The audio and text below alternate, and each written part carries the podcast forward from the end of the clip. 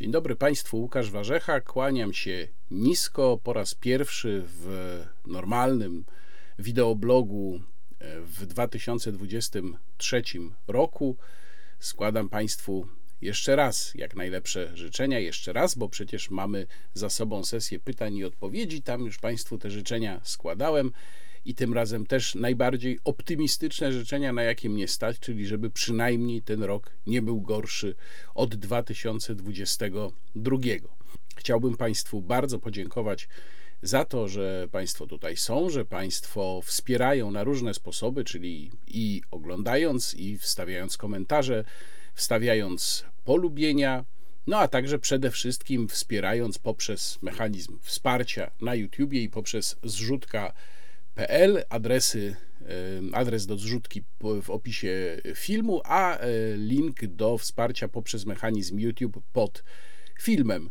Mm, to wsparcie we wszystkich postaciach jest e, bardzo ważne, no bo dzięki niemu ten kanał w ogóle może istnieć i ma sens. I właśnie o to zresztą ja Państwa trochę pytałem w, ten, w, tej sesji pytań i odpowiedzi, którą polecam, bo to się nie zdezaktualizuje. Jest to owszem długi materiał, ale można go spokojnie mm, oglądać w różnych momentach.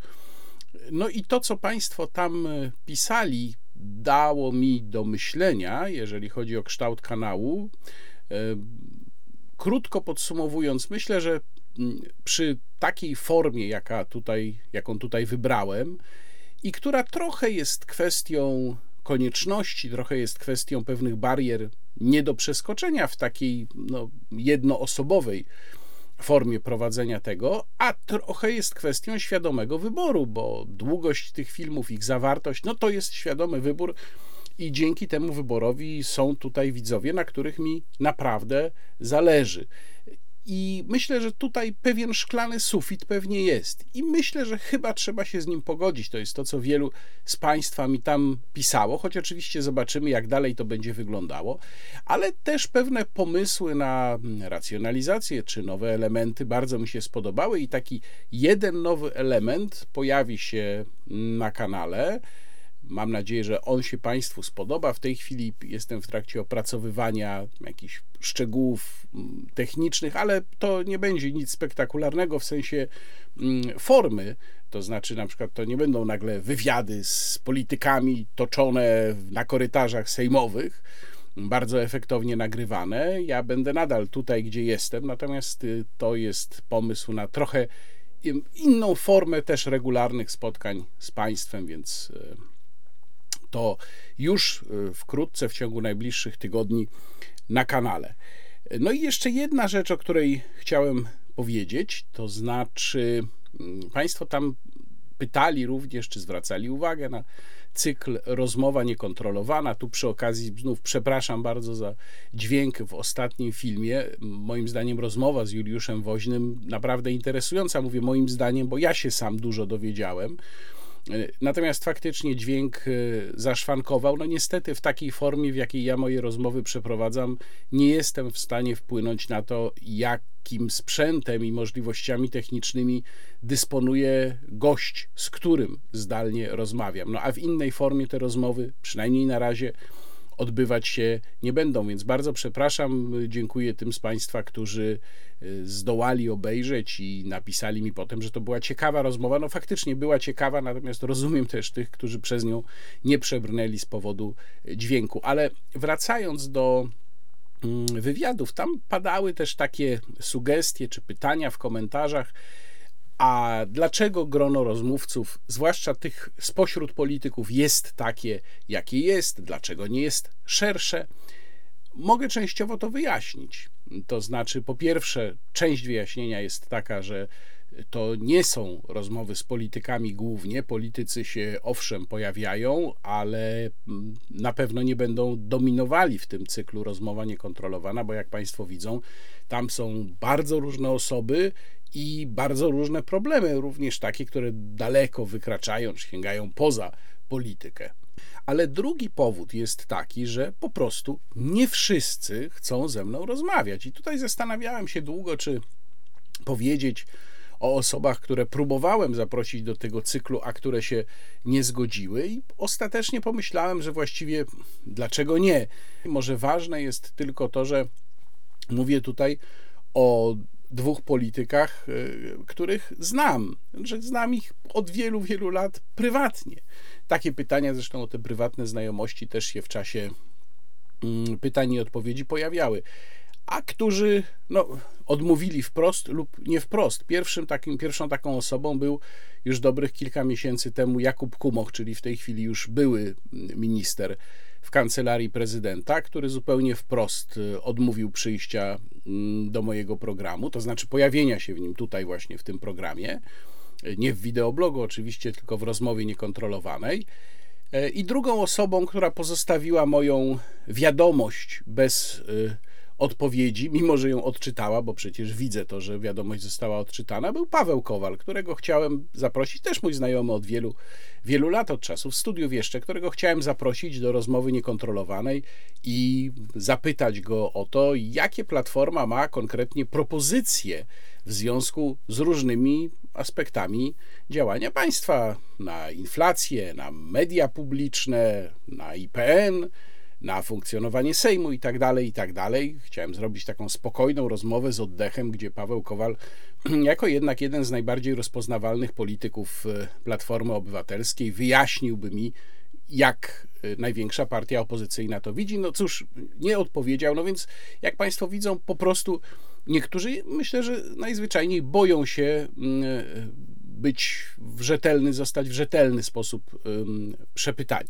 No i wreszcie ostatnia sprawa w tym wstępie to ogłoszenie, mianowicie już w najbliższy czwartek, czyli 19 stycznia w Krakowie o godzinie 18 w hotelu INX Design Hotel, to jest Starowiśl na 91, będzie miał miejsce prawy prosty plus, czyli program znany wszystkim widzom PH24 e, TV i czytelnikom portalu PH24 mm, program z moim udziałem i Witka Gadowskiego i Łukasza Karpiela jako prowadzącego. Będziemy we trzech e, rozmawiać tam na żywo z mam nadzieję Państwa udziałem, czyli udziałem publiczności o różnych sprawach i to będzie przede wszystkim podsumowanie mijającego roku. Zapraszam wszystkich, którzy mają ochotę na żywo zobaczyć prawy prosty plus. Najbliższy czwartek, godzina 18, INX Design Hotel Starowiślna 91 w Krakowie. Serdecznie zapraszam. I teraz już przechodzimy do tego, co się ważnego wydarzyło w ostatnim czasie. Nie mogę nie zacząć e, tego wyliczenia od kwestii ustawy sądowej. Ja takiej nazwy używam, dlatego że chociaż ustawa dotyczy Sądu Najwyższego, to dotyczy też Naczelnego Sądu Administracyjnego, sądów administracyjnych, sądów wojskowych i przede wszystkim, co powinno nas najbardziej interesować, sądów powszechnych. O tym, jakie będą, czy byłyby skutki tej ustawy, gdyby została uchwalona, mówiłem już w wideoblogu z 4 grudnia. Tutaj Tutaj nie, tutaj nie wiem nigdy. Jest link, więc zobaczą Państwo, mogą sobie Państwo kliknąć i posłuchać. Bardzo krótko podsumowując te skutki, bo ustawa też wychodząc z Sejmu do Senatu się nie zmieniła w stosunku do tego pierwotnego projektu, tam jakaś jedna mała kosmetyczna zmiana tylko się pojawiła, cała reszta, czyli ta, ta zawartość, istota ustawy pozostała taka sama. Nie wnikając w szczegóły, jej uchwalenie oznaczałoby totalny chaos w wymiarze sprawiedliwości, możliwość mm, kwestionowania w zasadzie dowolnego przez sędziów swojego statusu wzajemnie, e, możliwość podważania umocowania konstytucyjnych organów Rzeczypospolitej przez sędziów, czyli jednym słowem to, co pan e, premier Morawiecki nazywa trudnym, ale koniecznym kompromisem, oznacza po prostu rozwalenie polskiego wymiaru sprawiedliwości i e, co bardzo ważne, a co wielokrotnie podkreślałem, główną ofiarą tego zabiegu będą przede wszystkim nie ci sędziowie, których tam status może zostać ewentualnie skutecznie podważony w Naczelnym Sądzie Administracyjnym, bo to on ma się mm, zajmować e, orzekaniem tutaj, e, tylko klienci wymiaru sprawiedliwości, bo to oni będą dłużej czekali na mm, orzeczenia oni będą, nie, nie będą mieli pewności wyroku. No i ten aspekt sprawy, włącznie z tym, że przecież dotyczy to biznesu, czyli pewności obrotu gospodarczego, jest przez rządzących i przez projektodawców tej ustawy kompletnie pomijany. E, ale teraz jeszcze parę rzeczy trzeba przypomnieć. Wiem, że być może będą Państwo mieli déjà vu, poczucie déjà vu, bo ja rzeczywiście o nich mówiłem. Niemniej uważam, że to jest bardzo ważne i trzeba to powtarzać, ponieważ to się w oficjalnej narracji, również tej opozycyjnej, nie pojawia. Mianowicie wszyscy mówią odblokowanie KPO, odblokowanie KPO. Nie, proszę Państwa. Są w e, naszym aneksie czyli tym dokumencie określającym dokładnie kamienie milowe i warunki do spełnienia oraz podział pieniędzy, są trzy warunki dotyczące sądownictwa. A jednocześnie przypominam, że całość pieniędzy z e, funduszu e, odbudowy i zwiększania odporności, jak on się formalnie nazywa, dla Polski jest podzielona na 18 transz. Te transze są w połowie, czyli 9 transz. To jest tak zwana pomoc bezzwrotna, która tak naprawdę jest zwrotna, bo też trzeba ją będzie spłacić, co ostatecznie bombardowane argumentami na ten temat przyznał ostatnio nawet niechętnie pan minister Szymon Szynkowski-Welsenk, a drugie 9 to są kredyty już takie wprost, które trzeba będzie spłacać tak, jak się spłaca normalne kredyty, tylko tam z korzystnym y, oprocentowaniem.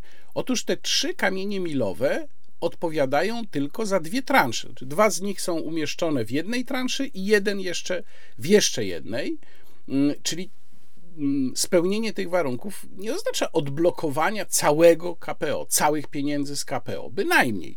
I tutaj yy, konkretnie, jak Państwo wiedzą, ja lubię konkretnie pracować na dokumentach, na liczbach, więc to tak wygląda. Pierwsze y, dwa warunki to jest transza, która wynosi około 2 miliardów 850 milionów euro, czyli to jest mniej więcej 13,3 miliarda złotych. To jest pierwsza transza. I y, czwarta transza, jeden jeszcze warunek dotyczący sądownictwa, y, która wynosi około 2,6 miliarda euro, czyli trochę mniej 12,2 miliarda złotych. Czyli sprzedajemy możliwość rozwalenia przez Brukselę naszego sądownictwa za około 25 miliardów złotych. To warto wiedzieć, jaki jest cennik pana premiera Morawieckiego. E, no, właściwie można by taki cennik e, uruchomić i tam by była taka pozycja rozwalenie sądownictwa 25 miliardów złotych, prawda? Ale pamiętajmy, że przecież to nie są tylko kwestie dotyczące warunki kamienie milowe, dotyczące mm, sądownictwa, bo przecież razem tego wszystkiego jest, jak już wielokrotnie była mowa, prawie 300. No i na przykład inne warunki tej, tej pierwszej transzy, to jest, teraz o tym zaczęło się robić głośno, warunek B23G to jest ustawa wiatrakowa. No i ustawa wiatrakowa została posłusznie wyciągnięta z zamrażarki sejmowej, bo tam z Brukseli poszedł sygnał, paluszkiem pogrożono, a jak wiatraków nie uchwalicie, to nie będzie kaski, nie będzie eurasków. No to już wiatraki zostały wyciągnięte z zamrażarki. No i jeszcze pojawia się tutaj pytanie w kontekście tego, bo oczywiście mm, tych warunków w pierwszej transzy jest więcej niż tylko te trzy, czyli wiatraki i dwa dotyczące sądownictwa. Tam jest taka lista, jeżeli dobrze pamiętam, kilkunastu warunków i kamieni milowych. To są dwie mm, kategorie nazywane mm, fachowo miernikami. I tutaj warto wrócić do tego, co miał mówić pan minister Szynkowski-Welsenk podczas spotkania kilka tygodni temu mm, w Sejmie z liderami klubów i kół. Mianowicie, że w każdej transzy są takie super kamienie milowe, od y, spełnienia których zależy mm, wypłata pieniędzy i takie mniej ważne kamienie, co tam możemy sobie trochę nie spełnić, trochę spełnić, ale już nie powiedział, które są które. Y, I cała sprawa w ogóle KPO przecież tonie w takich niedopowiedzeniach. Od dawna jest mowa o tym, że przepraszam bardzo, no rząd powinien to wyjaśnić, powinien jasno powiedzieć o co tu chodzi. Między innymi powinna zostać wyjaśniona właśnie ta kwestia. Pan minister powinien jasno powiedzieć, które to są te super kamienie milowe, a które są te takie mniej ważne, co tam może nam zostaną wybaczone, choć moim zdaniem nic nam nie zostanie wybaczone. Krótko mówiąc, przy okazji każdego warunku i kamienia milowego i każdej transzy możemy być grillowani dokładnie w ten sam sposób. A temu grillowaniu będzie sprzyjała inna rzecz, o której też mówił pan minister Szymon Szynkowski-Welsenk wedle relacji Krzysztofa Bosaka. Już tutaj również o niej mm, mówiłem w mm, poprzednim wideoblogu, który to pan minister Szynkowski-Welsenk powiedział, że oceną tego, pytany o kryteria oceny spełnienia tych e, mierników tak zwanych, oceną tego, czy one zostały spełnione, będzie się zajmował specjalny college i teraz kto w tym koledżu zasiądzie, jakie on będzie stosował kryteria, nie wiadomo, nie wiemy. No a skoro tak, to można sobie doskonale wyobrazić, że ten koledż weźmie już gotową ustawę sądową, albo nawet jakąś dużo mniej ważną ustawę, e, która musi być uchwalona w ramach KPO właśnie. To jest nawiasem mówiąc też ciekawostka, że rząd się zobowiązał do uchwalenia ustaw, przecież nie mając pewności, że one zyskają większość w Sejmie. A duża część z tych kamieni milowych, które tam są wpisane w KPO, no to są właśnie ustawy. Ale to już to nielogiczności w tej sprawie jest bardzo dużo. No i ten college bierze taką ustawę, która już zostałaby uchwalona, nawet weszła w życie, i mówi tak: No, wicie, rozumicie, polscy towarzysze, nie, no my oceniamy jako college, my oceniamy, że to nie wystarczy. No bardzo nam przykro. Musicie robić nowelizację. No i co wtedy? No i wtedy nadal nie mamy pieniędzy i mamy kolejny dyktat, i pod ten dyktat musimy dopasowywać polskie prawo. I teraz ten dyktat, on oczywiście dotyczy, jak powiedziałem, różnych rzeczy mm, dosyć istotnych. Ja tutaj sobie kilka tylko wypisałem, przecież całej tej listy nie będę Państwu mm, wymieniał. No więc co my tutaj za pieniądze y, musimy zrobić? No na przykład druga transza 3 miliardy euro wymaga zmiany regulaminu Sejmu wpływającej na proces stanowienia prawa. To jest warunek F4G. Trzecia transza 2 miliardy euro to przejazd, to opłaty za przejazd nowymi drogami, warunek E16G oraz obciążenie składkami wszystkich umów cywilnoprawnych A71G to jest y, warunek, nawiasem mówiąc, który w tym roku powinien zostać spełniony. Y, inny przykład. Transza szósta, 2,4 miliarda euro, to opłata rejestracyjna dla pojazdów spalinowych E3G. Dziewiąta transza, 4,1 miliarda euro, to podatek od aut spalinowych E4G.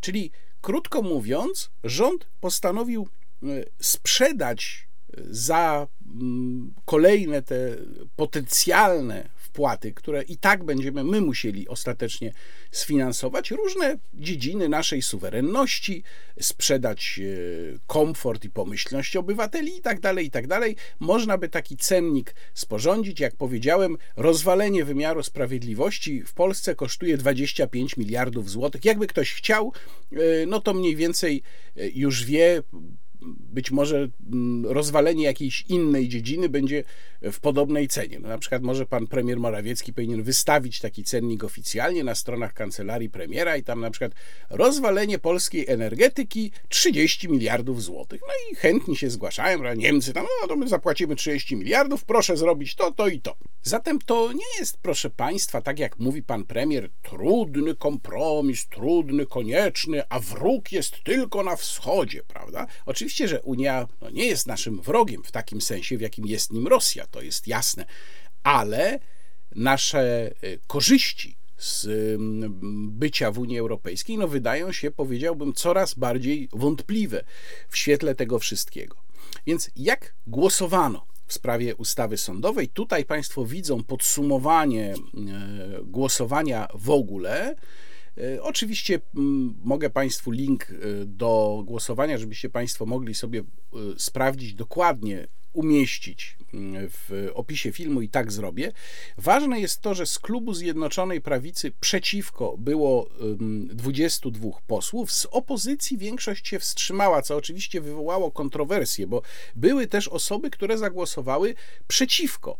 E, no tylko, że oczywiście z całkiem innych powodów niż e, Solidarna Polska i niż Konfederacja, która też w całości głosowała przeciwko, to znaczy w całości mm, wszyscy posłowie, którzy byli e, wtedy w Sejmie, 11 posłów, bo e, Konrad Berkowicz nie głosował w ogóle, bo go po prostu w Sejmie nie było. Ale w lewicy, w klubie lewicy było e, sześcioro posłów, którzy zagłosowali przeciwko. W klubie Koalicji Obywatelskiej było dwoje, którzy zagłosowali przeciwko.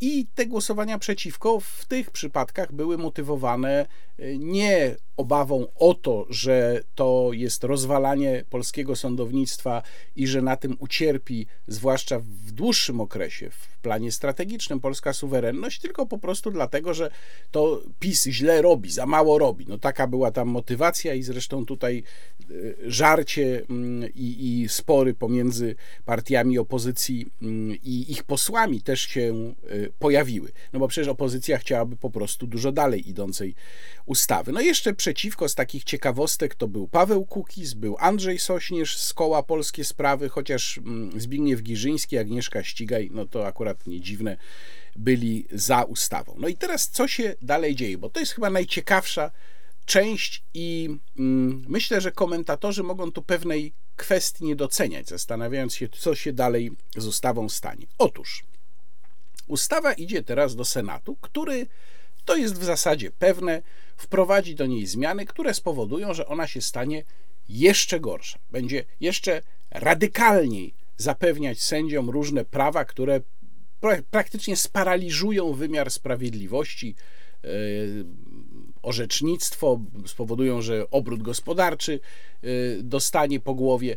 E, Senat to pogorszy. Mimo, że oczywiście tam pan minister Szynkowski-Welsenk, pan premier mówią, nie, nie, to jest uzgodnione z Brukselą. To nawiasem mówiąc, proszę posłuchać, jak to brzmi, prawda? Ludzie, którzy mówili, że my tutaj będziemy na straży polskiej suwerenności, wstajemy z kolan, teraz mówią, to jest uzgodnione z Brukselą. Nie ruszajcie tego, broń Boże, bo to myśmy z Brukselą tu podyktowali nam.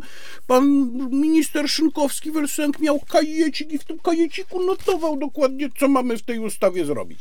No więc oczywiście Senat ją jeszcze bardziej mm, e, pogorszy. No i teraz, żeby odrzucić w Sejmie potem poprawki Senatu, potrzeba większości, ale bezwzględnej, niezwykłej. Bezwzględna większość to znaczy, że za odrzuceniem musiałoby głosować więcej posłów niż łącznie wstrzymujących się i tych będących przeciwko. No i gdyby powtórzył się schemat z głosowania obecnego nad ustawą, czyli 203 głosy za, a w sumie 241 sprzeciwu i wstrzymujących się, no to oczywiście poprawek Senatu by się nie udało odrzucić. Na pewno przeciwko odrzuceniu e, poprawek będą e, Koalicja Obywatelska, Lewica, Polska 2050, mm, e, Koalicja Polska, porozumienie. Razem wszystkie te kluby i koła mają 206 głosów. A przypomnę, że klub Zjednoczonej Prawicy formalnie, bez tych tam przybudówek różnych, ma 228. E, bez Solidarnej Polski, ale, ale minus Solidarna Polska, no właśnie, bo to jest też ważne. Bez Solidarnej Polski e, i ewentualnie Konfederacji nie uda się odrzucić poprawek Senatu. No i teraz co mówi większość publicystów czy komentatorów? Mówią, no tak, wiadomo, ta ustawa wyjdzie mm, z Senatu gorsza, no więc oczywiście ostatecznie Solidarna Polska pomoże PiSowi odrzucić te poprawki. Być może Konfederacja również za ich odrzuceniem zagłosuje, no i ostatecznie w związku z tym ustawa wyszłaby z Sejmu w takiej samej postaci, z jakiej teraz przeszła do Senatu. Ale czy to jest pewne, że Solidarna Polska i Konfederacja pomogą PiSowi odrzucić poprawki Senatu? Bo gdybym ja był na miejscu polityków Solidarnej Polski, a już na pewno na miejscu polityków Konfederacji, to bym powiedział tak.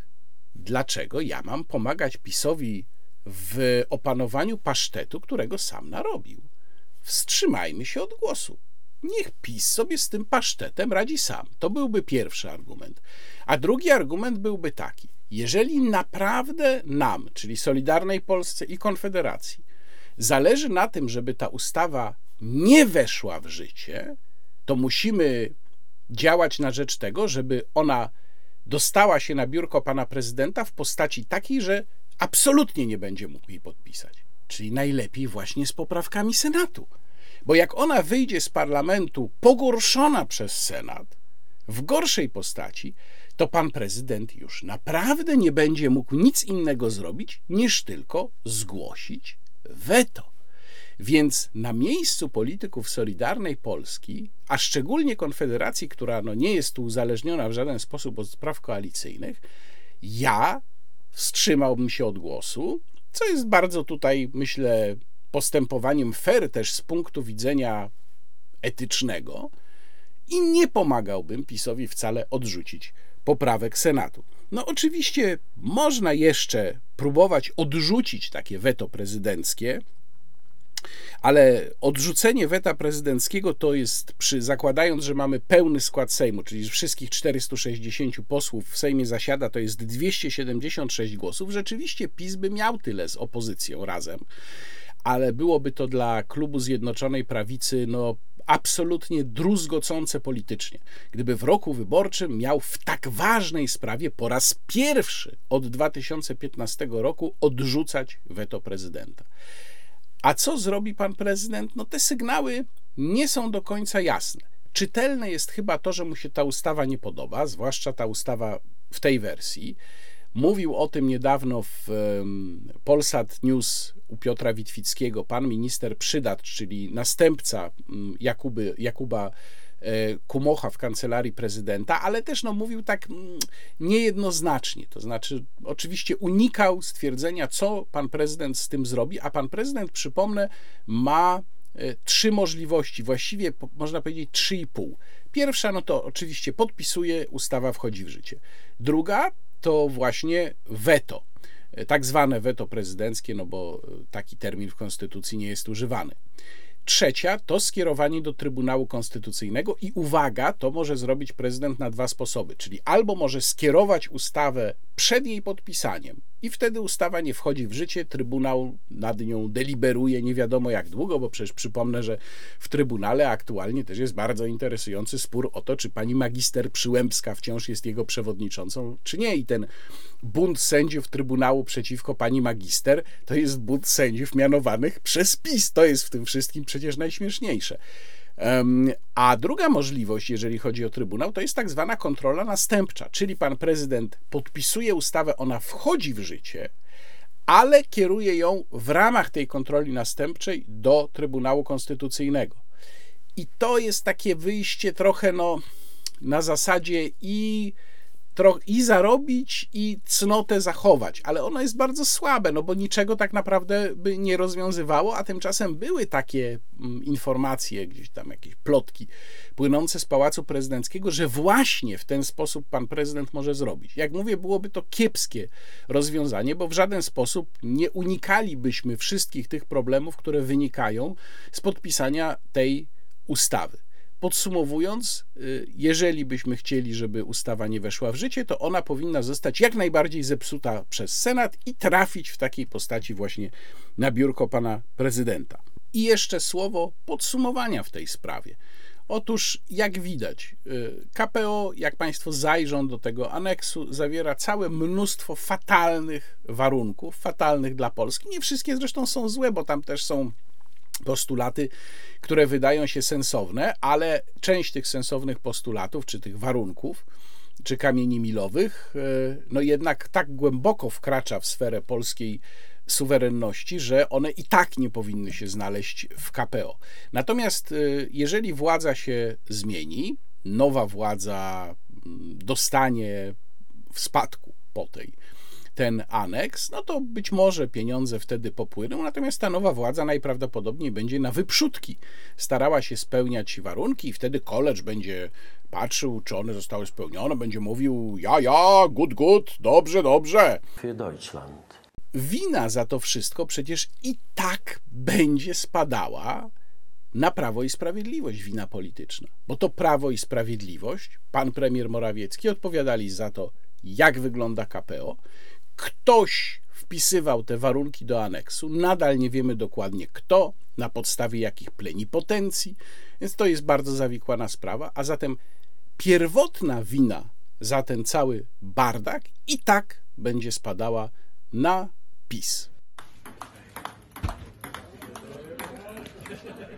Druga również aktualna sprawa, też już przeze mnie częściowo omawiana na początku grudnia w wideoblogu z 4 grudnia, to sprawa komisji y, badającej do spraw badania, teraz czytam nazwę ustawy, komisji Państwowej Komisji do spraw badania wpływów rosyjskich na bezpieczeństwo wewnętrzne Rzeczypospolitej Polskiej w latach 2007-2022.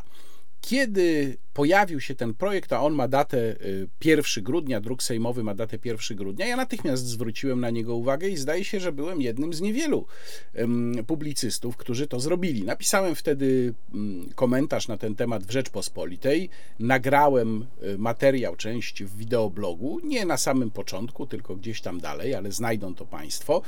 No, okazuje się, że trzeba do sprawy wrócić. Teraz napisałem na ten temat tekst na portalu Onet, link w opisie filmu, y, sprawa się robi gorąca, bo trochę to tak wyglądało, że no dobra, jest taki projekt, ale on chyba nie będzie procedowany. No nie, jednak okazało się, wybuchła awantura w tej sprawie ostatnio, okazało się, że jednak on ma być procedowany, trafił do Komisji Spraw Wewnętrznych i tam mm, no niespodziewanie nie został przegłosowany, ale zanim do tego dojdę, to najpierw dokładniej niż to zrobiłem na początku grudnia, przedstawię Państwu, co ta komisja miałaby robić i dlaczego ja ją nazywam sądem kapturowym. Po pierwsze, ona miałaby być powoływana przez Sejm i składać się z dziewięciu osób, a przewodniczącego z tego grona dziewięciu osób powołuje mm, prezes Rady Ministrów, czyli premier. Czyli mamy komisję, która całkowicie zależy od większości sejmowej i od szefa rządu. Kandydatów mogą, owszem, w liczbie maksymalnie dziewięciorga zgłaszać wszystkie kluby poselskie, ale uwaga, nie koła, i myślę też, że to jest nieprzypadkowe, e, wszystkie kluby poselskie, no ale to nie znaczy, że ktokolwiek z tych kandydatów zostanie wybrany klub e, Zjednoczonej Prawicy zgłosi sobie dziewięciu kandydatów i on sobie wybierze tych dziewięciu do tej komisji, po prostu obstawi ją całkowicie. Bardzo ważna sprawa, bo widzę, że tutaj też się pojawiają błędy, nie wszyscy to rozumieją. To nie ma być komisja śledcza, czyli wewnętrzna komisja sejmowa, powoływana na podstawie ustawy o komisji śledczej, która działa sobie do końca kadencji Sejmu i potem przestaje działać. Ta komisja ma być organem administracji publicznej, czyli ona stoi w ogóle poza Sejmem, nie muszą w niej zasiadać posłowie, to jest ważne. Te, te dziewięć osób to mogą być dowolne osoby, to nie muszą być posłowie. I ona podejmuje decyzje administracyjne, czyli ona działa na podobnych zasadach jak Komisja do Spraw Reprywatyzacji działała. To jest ważne, dlatego że ona nie skończy działalności wraz z końcem kadencji Sejmu i może podejmować decyzje administracyjne. Dwie bardzo ważne różnice pomiędzy tą komisją a komisją specjalną komisją sejmową, czy śled, komisją, śledczą komisją sejmową. O. E, członków komisji może też Sejm odwołać. To jest ważne w kontekście kolejnej kadencji. Teraz pojęcie wpływów rosyjskich, bo czym ona się dokładnie ma zajmować? Wprost z ustawy, czyli z artykułu 4, komisja się ma y, y, zajmować wyjaśnianiem przypadków funkcjonariuszy publicznych lub członków kadry kierowniczej wyższego szczebla, ale także innych osób, za chwilę o tym więcej powiem, którzy w latach 2007-2022, czyli y, bez pierwszych rządów PiS, pod wpływem rosyjskim, działając na szkodę interesów Rzeczypospolitej Polskiej, no, robili tam różne rzeczy, na przykład mm, nawiązywali umowy międzynarodowe albo y, podejmowali różnego rodzaju czynności urzędowe. I y, artykuł drugi, który zawiera definicję, niby definiuje to, czym jest ten wpływ rosyjski, ale ta definicja jest na tyle mglista, że w gruncie rzeczy można tutaj podciągnąć bardzo, bardzo wiele rzeczy. Mianowicie mm, ten wpływ rosyjski, y, to należy przez wpływ rosyjski należy rozumieć każde działanie osób będących przedstawicielami władz publicznych Federacji Rosyjskiej, w szczególności osób zajmujących eksponowane stanowiska polityczne, osób znanych jako bliscy współpracownicy tych osób wcześniej wymienionych, osób powiązanych osobiście, organizacyjnie lub finansowo z osobami, o których mowa w poprzednich punktach, oraz innych osób lub innych podmiotów działających na zlecenie tych wcześniej wymienionych osób.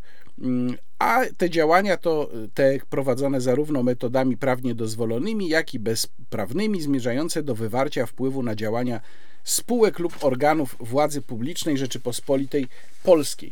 Natomiast jak nie trudno się zorientować, no tutaj pod te kategorie można podciągnąć bardzo wiele spraw, również takich, gdzie ten kontakt był, nie wiem, przypadkowy, gdzie on jest tylko hipotetyczny i tak dalej, i tak dalej. Dlaczego? Dlatego, że ta komisja nie działa w reżimie sądowym. To znaczy, tutaj nie ma na przykład rygoru dowodowego. To posłowie sobie tak naprawdę określają, co oni uważają za podlegające temu, mm, tej definicji wpływu rosyjskiego, a co nie.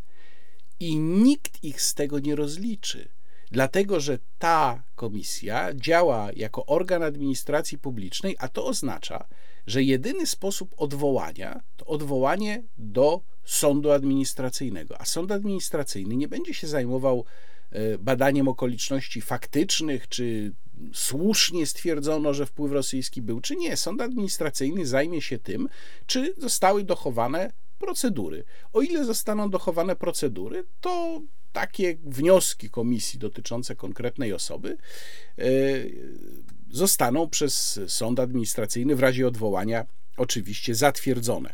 E, artykuł czwarty to jest bardzo ważne, bo on mówi o tym, czyje przypadki może badać komisja. Otóż komisja prowadzi postępowania mające, jak już mówiłem, wyjaśnienie przypadków funkcjonariuszy publicznych lub członków kadry kierowniczej wyższego szczebla, ale dalej czytamy, że komisja bada również przypadki wpływów rosyjskich na osoby inne niż wskazane w ustępie pierwszym, o ile w istotny sposób oddziaływały one na bezpieczeństwo wewnętrzne lub godziły w interesy Rzeczypospolitej Polskiej w zakresie wpływu na środki masowego komunikowania. No to na przykład ktoś prowadzi telewizję internetową albo po prostu jest popularnym blogerem, czy ma wielu e, obserwujących na Twitterze. E, Drugi podpunkt rozpowszechniania fałszywych informacji. No, jak wiadomo, pojęcie fejka, fałszywej informacji jest tak szeroko definiowane, że jak tutaj posłowie, e, jak tutaj członkowie komisji dostaną dowolność w tej sprawie, no to też będą mogli sobie w zasadzie zupełnie dowolnie to kształtować. Działalności stowarzyszeń lub fundacji, czyli mogą stanąć przed tą komisją dziennikarze, blogerzy, tiktokerzy, użytkownicy Twittera, E, działacze NGO-sów. W zasadzie ogromne, ogromne grono obywateli. E, również ci, którzy mają związek z partiami politycznymi, funkcjonowania partii politycznych, a nie były tymi osobami podejmującymi decyzje. Ważna kwestia jest taka, że artykuł 36 ustawy ogranicza możliwość stosowania środków zaradczych, tak zwanych, tak naprawdę są środki karne, represyjne, no ale one są nazywane tutaj środkami zaradczymi do tych osób, które pełniły funkcje publiczne, czyli te inne osoby, tych, na, na te inne osoby ewentualne, te spoza grona mm, osób pełniących funkcje publiczne, tych środków zaradczych, karnych tak naprawdę nie można mm, nałożyć. Y, ale y, te środki są bardzo e, uciążliwe dla osób, które właśnie te funkcje publiczne mm, pełniły. A, no oczywiście trzeba też przypomnieć, że komisja może rzecz jasna kierować doniesienia do prokuratury, czyli sama może takiego środka zaradczego na osobę spoza grona osób decyzyjnych nie nałożyć, ale może na nią donieść do mm, e, prokuratury. I teraz jeszcze dwa słowa na temat tych tak zwanych środków zaradczych, e, które mają moc decyzji administracyjnej. To jest artykuł 36 cofnięcie poświadczenia bezpieczeństwa lub nałożenie zakazu otrzymania poświadczenia bezpieczeństwa na okres do 10 lat Co to oznacza? No na przykład, jeżeli ktoś y, jest posłem, czy chce kandydować na posła, to automatycznie po wydaniu takiej decyzji wylatuje ze wszystkich komisji, gdzie poświadczenie dostępu do informacji niejawnych jest potrzebne, a także nie może pełnić takich funkcji, na przykład w Ministerstwie Spraw Wewnętrznych czy w Ministerstwie Obrony, gdzie takie poświadczenie jest konieczne. Druga kwestia, zakaz pełnienia funkcji związanych z dysponowaniem środkami publicznymi też na okres do 10 lat.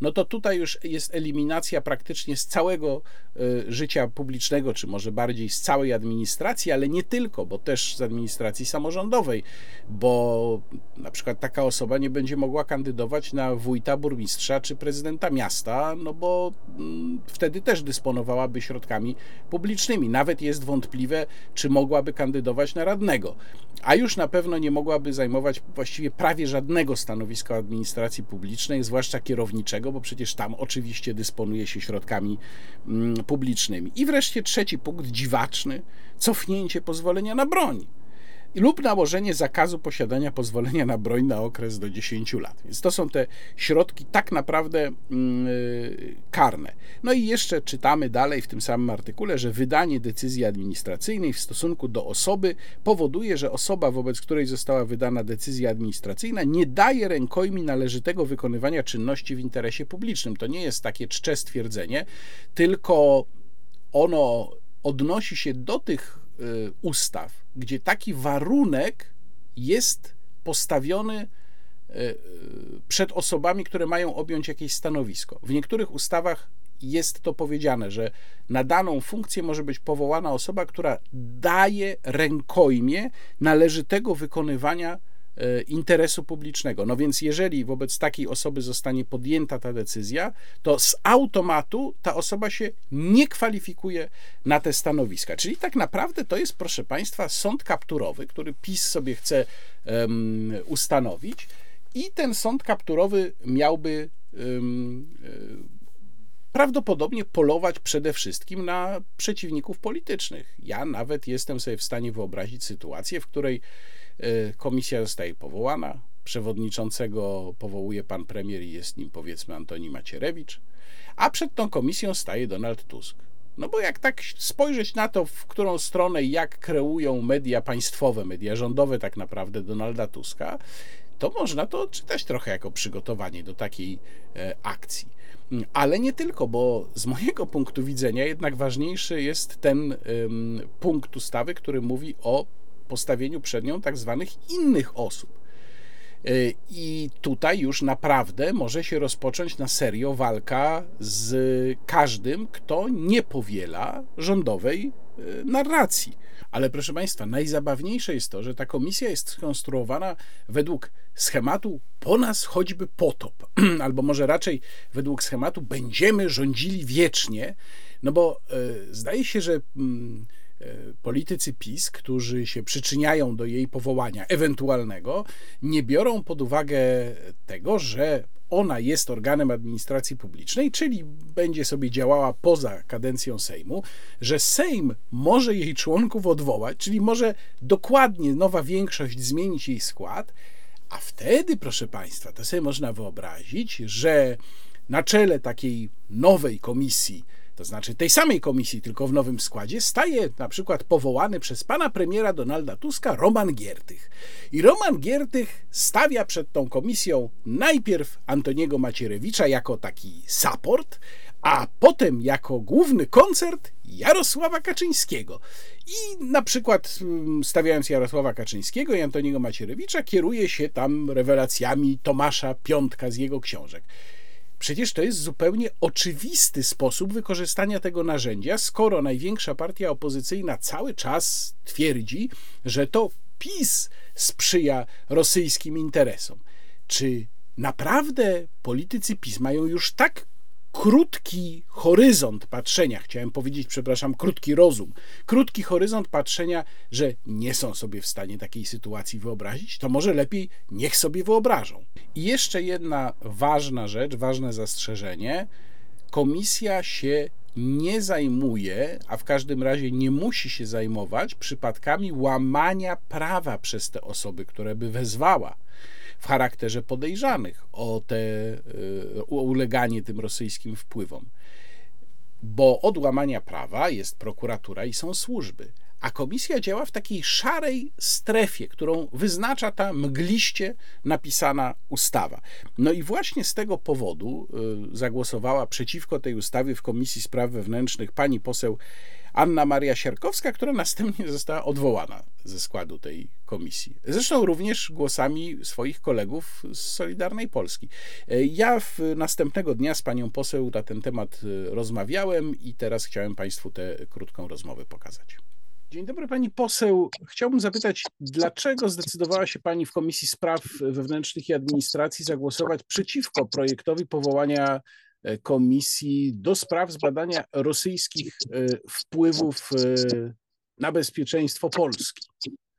Znaczy, po pierwsze, panie dyrektorze, ta komisja, mm, która miała być powołana na podstawie tej ustawy, E, no ta komisja tak naprawdę nie spełniała absolutnie e, celu, który był przed tą komisją e, postawiony.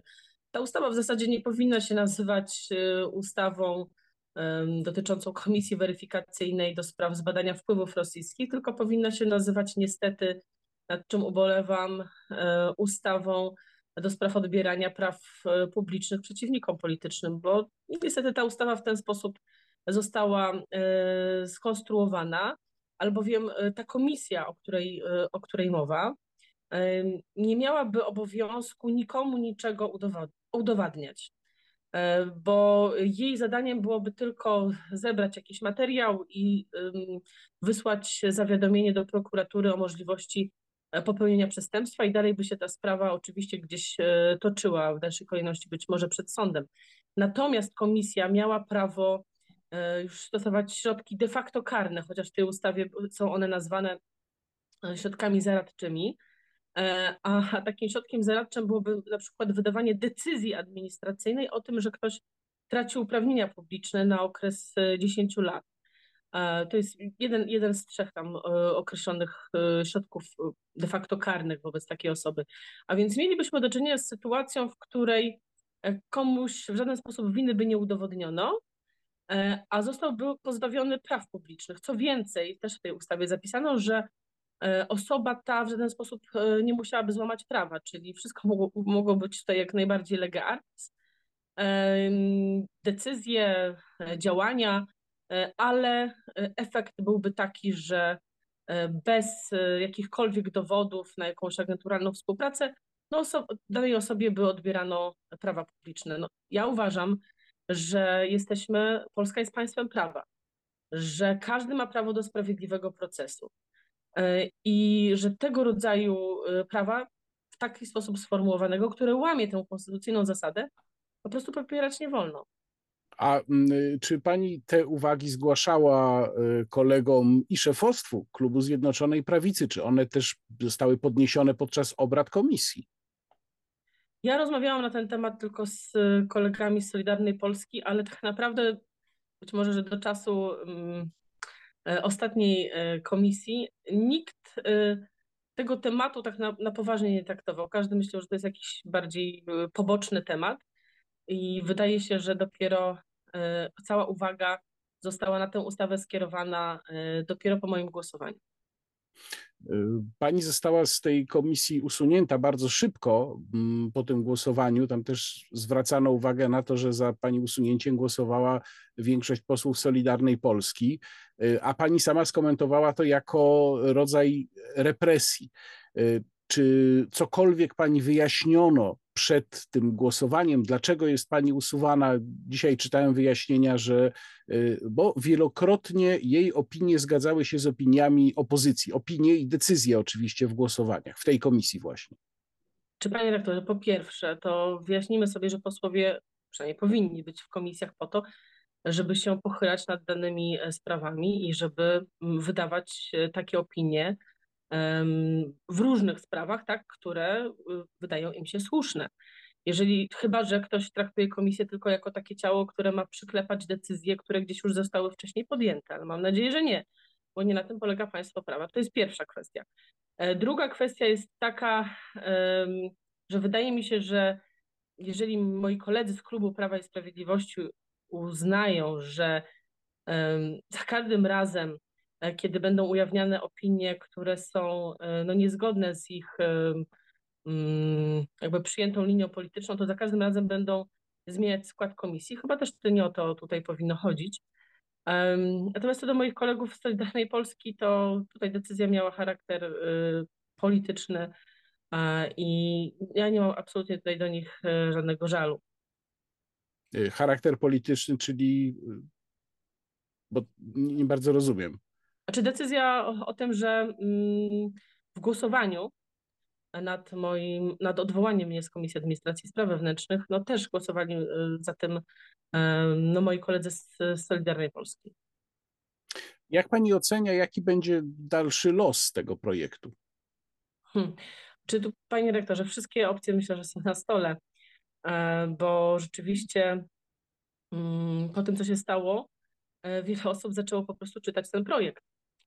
E, myślę, że to jest istotny skutek, bo ten projekt jest po prostu projektem bardzo nieroztropnym. E, I cieszę się też, że pierwsze sygnały płyną z Pałacu Prezydenckiego. Pan prezydent, przynajmniej osoba, która, która współpracuje z panem prezydentem, wypowiedziała się do mediów, że w obecnej sytuacji, w której Polska się znajduje, sytuacji związanej z naszym bezpieczeństwem mm, zewnętrznym również, tego rodzaju ustawy powinny być przyjmowane w szerokim konsensusie politycznym i nie powinny w żaden sposób godzić w nasz porządek konstytucyjny. I jeżeli te dwie przesłanki nie zostaną spełnione, to pan prezydent tutaj deklaruje, że takiej ustawy nie podpisze. Wydaje mi się, że tutaj moi koledzy z klubu Prawa i Sprawiedliwości powinni ten sygnał płynący z Pałacu Prezydenckiego wziąć bardzo poważnie pod uwagę.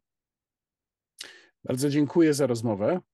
Są sygnały, miejmy nadzieję, że prawdziwe, że Pałac Prezydencki rozważa zawetowanie tej mm, ustawy, e, zawetowanie lub być może odesłanie jej do Trybunału Konstytucyjnego, bo jest poda- poważne podejrzenie, że ona narusza konstytucję, a dokładnie artykuł 45, który mówi: Każdy ma prawo do sprawiedliwego i jawnego rozpatrzenia sprawy bez nieuzasadnionej zwłoki przez właściwy, niezależny, bezstronny i niezawisły sąd. Ta komisja, która może człowieka pozbawić części jego praw publicznych, no jako żywo niezawisłym sądem absolutnie nie jest. I żeby Państwu jeszcze uzmysłowić, do jakiego stopnia y, możliwe będzie, czy byłoby sięganie po instrument, którym jest ta komisja, żeby uderzyć w osoby, które po prostu się nie chcą w jakimś nawet najmniejszym stopniu y, podpisać pod rządową narracją, to chciałem Państwu pokazać y, fragment rozmowy tej, o której już wcześniej wspominałem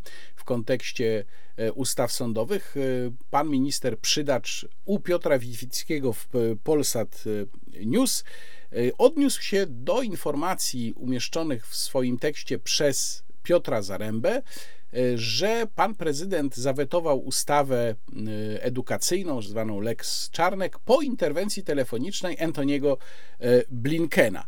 No i co powiedział pan Przydacz na ten temat? Proszę posłuchać. Piotr Zaręba, felietonista Interi, napisał dzisiaj tak, a jest to człowiek, który zazwyczaj ma dobre informacje i z Pałacu Prezydenckiego, i z Nowogrodzkiej.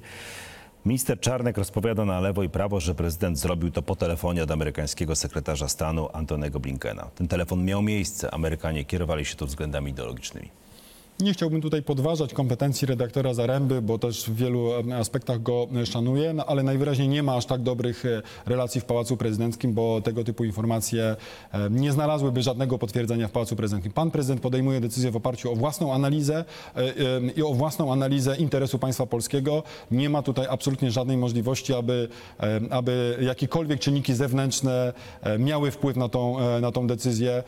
Rozmowy z Amerykanami dotyczyły głównie tematu tematyki bezpieczeństwa, sytuacji na Ukrainie, sytuacji e, na froncie ukraińskim, więc e, no, nie, nie, nie dajmy sobie wmówić, że prawda tutaj, bo to jest trochę, ja nie chcę jakby obrażać redaktora Zarema, ale to jest trochę narracja gdzieś tam, e, która mi się kojarzy z narracją rosyjską, która mi się kojarzy z narracją rosyjską, która mi się kojarzy z narracją rosyjską, że to prawda, Amerykanie wykonują telefony i mówią to zróbcie tak albo inaczej. Tak nie ma w Polsce i tak nigdy nie będzie, przynajmniej dopóki rządzą ci, którzy No ale konsultujemy różne decyzje z sojusznikami sojusznikami, tak czy nie? No, so, z sojusznikami konsultujemy decyzje typu e, polityka bezpieczeństwa, pan, e, typu wsparcie wytłumaczy. militarne, ale przecież nie konsultujemy, czy dana ustawa zasługuje na podpis prezydenta, czy nie. Zaraz... Czyli pan Przydacz redaktorowi Zarębie pogroził paluszkiem, powiedział: No, no, no, nie krytykuj nas, bo będziesz rusko onuco. I to jest argument, który się pojawia praktycznie wszędzie. Nie zgadzasz się z naszą e, linią, kontestujesz ją nawet w jakimś tam małym stopniu, nawet jeżeli to jest mały odchył. Jesteś ruską onucą. Argument zonucyzmu niestety stał się chyba najbardziej powszechnym dzisiaj argumentem w polskiej polityce, a jeszcze trzeba powiedzieć, że bardzo zabawnie to brzmi, kiedy pan minister Przydacz mówi, że tutaj nikt nie wpływa na nas, jeżeli chodzi o podejmowanie decyzji, a jednocześnie w tym samym czasie pan minister Szymon Szynkowski-Welsenk mówi do senatorów: Nie zmieniajcie naszej ustawy sądowej, bo uzgodniliśmy ją z Brukselą. No więc jak to jest w końcu, panie ministrze e, Marcinie Przydaczu, e, z tym uleganiem obcym naciskom? Teraz e, chcę Państwu powiedzieć o tym, jak posypały się ostatnio na nas informacje dotyczące kwestii inwigilacji. To jest niesamowicie ważna sprawa. Prawo i Sprawiedliwość od początku swoich rządów E, zakres inwigilacji obywateli no wręcz koszmarnie powiększyło, wyposażając w takie możliwości prowadzenia pracy operacyjno-rozpoznawczej, tak zwanej, kolejne służby, a zaczęło się, przypomnę, od uchwalenia ustawy o policji pod koniec 2015 roku, kiedy to PiS argumentował, że musi to zrobić szybko, szybko, nie ma czasu za bardzo się zastanawiać, bo mm, wyrok Trybunału Konstytucyjnego trzeba wykonać. Ten wyrok z 2014 roku mówił o tym, że trzeba ustanowić odpowiednią kontrolę sądową nad właśnie tymi czynnościami operacyjno-rozpoznawczymi, a konkretnie tutaj chodziło o zasięganie przez służby danych, takich danych, które podlegają tak zwanej retencji, czyli operatorzy muszą je standardowo przechowywać. Właśnie o tym będziemy też za chwilę yy, mówić. E, no tylko, że ta ustawa o policji to tak naprawdę niczego nie rozwiązywała, mm, tylko tworzyła zupełnie fikcyjną kontrolę, czyli taką, w której sądy e, co ileś tam miesięcy dostają pakiet, taki ogromny pakiet tych informacji o tych, mm, o zasięganiu tych tych danych, no i mają się odnieść, że tam niby jak coś im nie pasuje, to mają wskazać, co im nie pasuje. No to jest oczywiście kompletna fikcja i, i wtedy ja mam długą pamięć polityczną, to jednak trzeba takie rzeczy przypominać. Wtedy w 2015 roku świeżo wybrany pan prezydent Andrzej Duda mówił organizacjom pozarządowym, między innymi panoptykonowi, na który będę się tutaj powoływał i który pozdrawiam, bo robi w tych sprawach świetną robotę, mówił tak, tak, ja rozumiem, rozumiem obiekcje, no rzeczywiście, no sprawy prywatności, no ale właśnie my musimy szybko wykonać wyrok Trybunału Konstytucyjnego, ale ja się będę z państwem spotykał, będę się konsultował i ja, ja stworzę projekt lepszej ustawy, która znowelizuje ustawę o policji, uwzględniający państwa uwagi. To było, przypomnę, w 2015 roku. 7, 8 już prawie lat temu. I co? I, i nic, proszę państwa. E, w 2012 roku, pamiętam to bardzo dobrze, bo pisałem o tym wtedy w fakcie.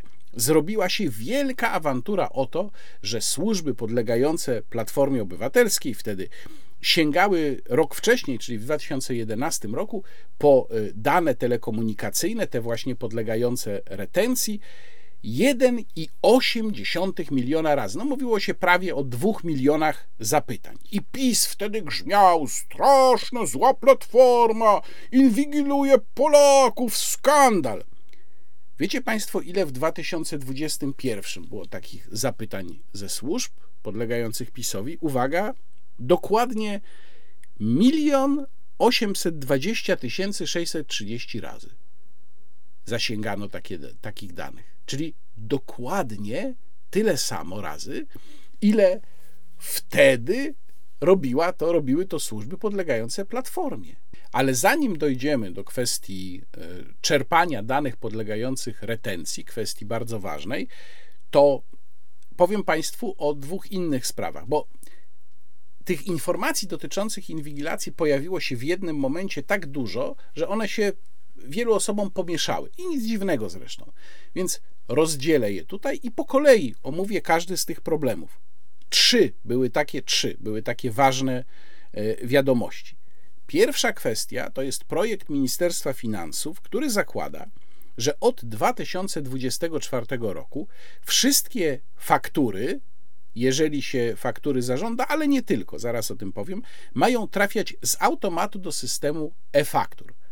Co to oznacza? Do pozyskanych w ten sposób informacji e, o praktycznie każdym zakupie fakturowanym będzie miała dostęp nie tylko Krajowa Administracja Skarbowa, ale w zasadzie wszystkie służby wyposażone w kompetencje do otrzymywania takich danych.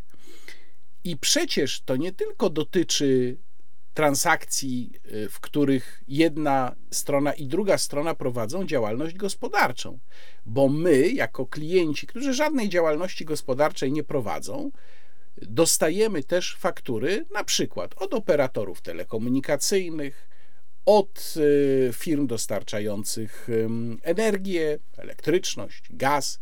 Ba, dostajemy faktury w zasadzie przy większości zdecydowanej zakupów internetowych.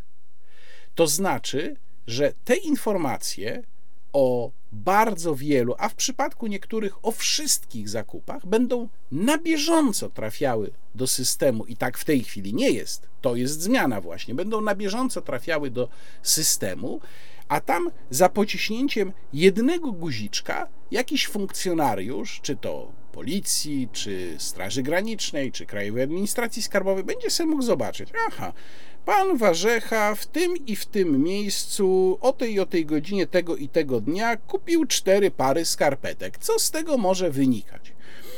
Y, I to jest rzeczywiście bardzo brutalne wtargnięcie w naszą prywatność. Pytanie, o co tu chodzi i po co. Eksperci wskazują, że nie da się tego uzasadnić na przykład uszczelnieniem systemu VAT, no bo w wielu tych transakcjach po jednej stronie nie ma firmy, czyli nikt sobie tutaj VAT-u nie odlicza, więc nie o to chodzi. No to o co tutaj chodzi? No, odpowiedź chyba jest prosta. Chodzi o to, żeby wiedzieć o nas jak najwięcej. Ja nie widzę tutaj innego uzasadnienia. Pojawiają się też jeszcze y, zastrzeżenia, że sam system może się zatykać, bo do tego systemu e-faktur nagle zacznie trafiać dużo, dużo więcej materiałów niż trafiało do tej pory, że to będzie wywoływało y, zatory no po prostu gdzieś w sklepach najzwyczajniej. No i jest oczywiście dodatkowym obciążeniem dla sprzedawców, to też. Ale najważniejsze jest to, że system, ludzie, którzy go obsługują, dostaną e, dostęp do ogromnej puli informacji na temat naszego codziennego życia. Druga kwestia to zakup przez policję za 6,5 miliona złotych licencji na zaawansowany system do spraw, no właśnie nie do końca inwigilacji, bo tutaj te rzeczy też są mieszane. Ten system, który został zakupiony, to tak naprawdę jest oprogramowanie izraelskiej zresztą produkcji, czyli podobnie jak słynny Pegasus, oprogramowanie do badania urządzeń elektronicznych różnego rodzaju, ale żeby takie urządzenie zbadać, to nie może się to dziać online. No przynajmniej takie są o tym oprogramowaniu informacje. Czyli trzeba urządzenie podłączyć fizycznie do komputera wyposażonego w takie właśnie mm, oprogramowanie. No i wtedy można bardzo dużo rzeczy zrobić, czyli można mm, złamać hasła, można dostać się do chmury, można również e, odnaleźć czy przywrócić historię, która została z urządzenia usunięta, w tym historię działań na komunikatorach, czyli można dostać bardzo dużą wiedzę na podstawie dostępu do takiego elektronicznego urządzenia. No i rzeczywiście można sobie wyobrazić, że tego typu narzędzie jest w dobry sposób wykorzystywane przeciwko przestępcom. Ja mógłbym kilka co najmniej sytuacji sobie wyobrazić, w których jego użycie ma sens, ale pytanie brzmi: czy my jesteśmy w stanie dzisiaj zaufać policji, że będzie to wykorzystywała, jak to powiedział pan Mariusz Ciarka, rzecznik Komendy Głównej, że będzie to wykorzystywała zgodnie z prawem. Bo prawdę mówiąc, jak ja sobie przypomnę, jakie cyrki się odbywały i jak dramatycznie zniszczyła policja swój wizerunek, począwszy od 2020 roku, stając się w gruncie rzeczy w wielu sytuacjach po prostu milicją, to powiem szczerze, ja nie mam do nich za grosz zaufania. Również jeżeli chodzi właśnie o wykorzystywanie takiego narzędzia, ba, jestem w stanie sobie wyobrazić sytuacje, w których to narzędzie będzie wykorzystywane przez władze niezgodnie z prawem nawet. Możemy sobie wyobrazić taką sytuację. Następuje zatrzymanie jakiegoś niewygodnego obywatela pod byle pretekstem na 48. Ten obywatel trafia do aresztu policyjnego, tak zwanej policyjnej izby zatrzymań, no i oczywiście musi oddać wszystko, co ma przy sobie, więc oddaje również komórkę. I ta komórka następnie jest podłączana do tego oprogramowania.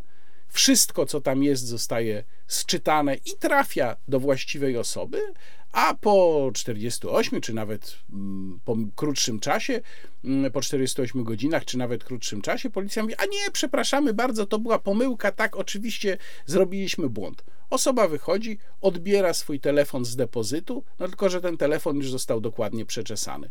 Niemożliwe? Nie, ja wręcz przeciwnie, patrząc na to, jak ta władza postępuje w kwestiach wolności obywatelskich i prywatności, uważam, że jest to absolutnie możliwe. I wreszcie najważniejszy tutaj wątek to jest nowe prawo komunikacji elektronicznej, które ma zastąpić prawo telekomunikacyjne obecnie obowiązujące, e, które ma około 20 lat. Ten projekt e, prawa komunikacji elektronicznej pokazali posłowie Konfederacji. Nie bez powodu pokazali go w postaci papierowej, bo to jest przykład no, po prostu kpiny ze stanowienia prawa. Ten projekt w całości ma 3449 stron. Oczywiście w tym jest też uzasadnienie, tak zwane tabele zgodności z prawem unijnym, ale i tak sama ustawa ma 316 stron i 445 artykułów. Dla porównania, dotychczasowe prawo telekomunikacyjne miało 200, ma cały czas, bo obowiązuje, 257 stron i 235 artykułów, czyli to nowe prawo ma prawie dwa razy więcej e, artykułów niż miało e, poprzednie, poprzednia wersja. Nikt nie jest w stanie przekopać się przez akt prawny takich rozmiarów, dokładnie go sprawdzić w czasie, w jakim on ma być uchwalony, zrozumieć, jakie się w nim kryją zagrożenia. Ja mam, prawdę mówiąc, podejrzenie, że tego typu akty prawne celowo są konstruowane w taki sposób, właśnie po to, żeby jak najtrudniej było posłom, którzy mają za lub przeciw temu głosować, dojść do tego, co tam się w nich kryje. Największa awantura przy okazji tego prawa, rozkręcana przez opozycję, e, to była wokół tego, i to dlatego było nazywane Lex Pilot, to była wokół tej obowiązkowej kolejności mm, kanałów, które, które mieliby dostarczać mm, operatorzy mm, tam kablowi, no w każdym razie operatorzy telekomunikacyjni, którzy oferują dostęp do telewizji. Ale moim zdaniem to jest znacznie mniej istotne niż te sprawy dotyczące właśnie inwigilacji, więc w ogóle o tym Lex Pilot w tym sensie nie będę mówił. Będę mówił o inwigilacji. Zresztą posługując się analizą e, Fundacji Panoptykon, którą ponownie pozdrawiam i polecam Państwu śledzenie profili w mediach społecznościowych Fundacji Panoptykon, e, no bo to jest chyba najbardziej kompetentna organizacja w Polsce, która zajmuje się właśnie kwestiami inwigilacji i dostępu mm, e, do danych przez służby i ograniczeń naszej prywatności. Co w tej ustawie, nowej ustawie jest? Po pierwsze, to prawo ma nakazywać retencję, czyli, przepraszam, no takie słowo po prostu jest używane w tym, w tym żargonie dotyczącym tej dziedziny, czyli przechowywanie. E, przez 12 miesięcy danych pozwalających namierzać połączenia różnego rodzaju, co jest sprzeczne z wyrokami Trybunału Sprawiedliwości Unii Europejskiej i na to wskazuje Fundacja Panoptykon. I teraz ważne jest właśnie to, jakiego typu dane to są. I tutaj przeczytam Państwu y, artykuł, część artykułu 49 projektu ustawy Prawo komunikacji elektronicznej. Obowiązkiem, o którym mowa w artykule 47 ustęp 1, to jest artykuł, który właśnie mówi o tej retencji, objęte są dane dotyczące publicznie dostępnych usług komunikacji elektronicznej niezbędne do ustalenia zakończenia sieci telekomunikacyjnego urządzenia końcowego oraz użytkownika końcowego inicjującego połączenie, do którego kierowanie jest połączenie i do i określenia. I teraz uwaga, bo to, co teraz przeczytam, to jest zakres tych danych i to naprawdę podnosi włosy na głowie. Daty i godziny połączenia oraz czasu jego trwania, rodzaju połączenia, lokalizacji telekomunikacyjnego urządzenia końcowego, danych jednoznacznie identyfikujących użytkownika w sieci, a jednocześnie zakres, y, rodzaj danych i rodzaj połączenia, które są poddane tej retencji, podlegają temu nakazowi, obejmować ma teraz już również taką komunikację, która dotyczy na przykład komunikatorów różnego rodzaju. Jak w swojej analizie zauważa Fundacja Panoptykon, są to podmioty, czyli objęte są tym obowiązkiem, objęte mają być podmioty świadczące usługi komunikacji interpersonalnej niewykorzystującej numerów. Czyli do tego typu usług zaliczamy, pisze Panoptykon, na przykład pocztę elektroniczną, usługi przekazywania wiadomości, czaty grupowe, komunikatory internetowe. To jest bardzo znaczący zakres Y, poszerzenie zakresu, y, no tak naprawdę, inwigilacji. I jeszcze jedna bardzo ważna sprawa.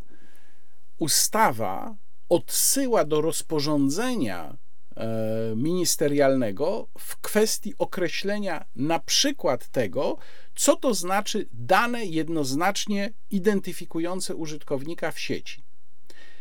To jest skandaliczne, dlatego że tak dokładna, tak czuła sprawa dotycząca naszej prywatności, jak dane identyfikujące użytkownika w sieci, nie ma prawa być określana rozporządzeniem. To jest akt niskiej rangi.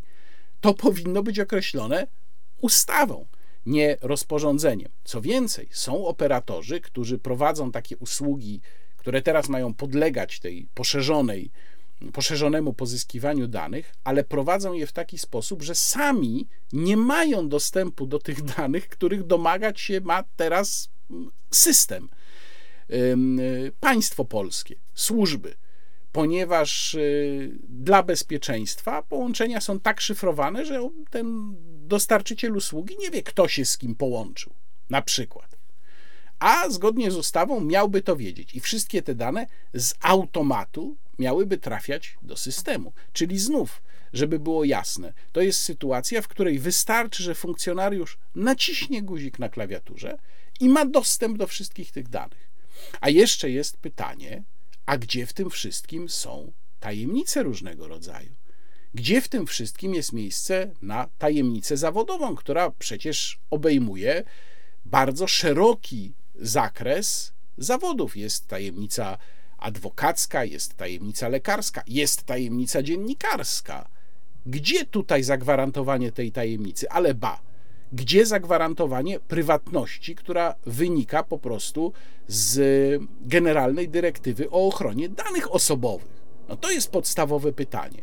Ja mogę się martwić jako dziennikarz, jak to będzie wyglądało z punktu widzenia zachowania mojej tajemnicy zawodowej, ale państwo, którzy nie są lekarzami, nie wiem, adwokatami, dziennikarzami, mają problem z własną prywatnością, taką zwykłą, codzienną prywatnością, jeżeli by to weszło w życie.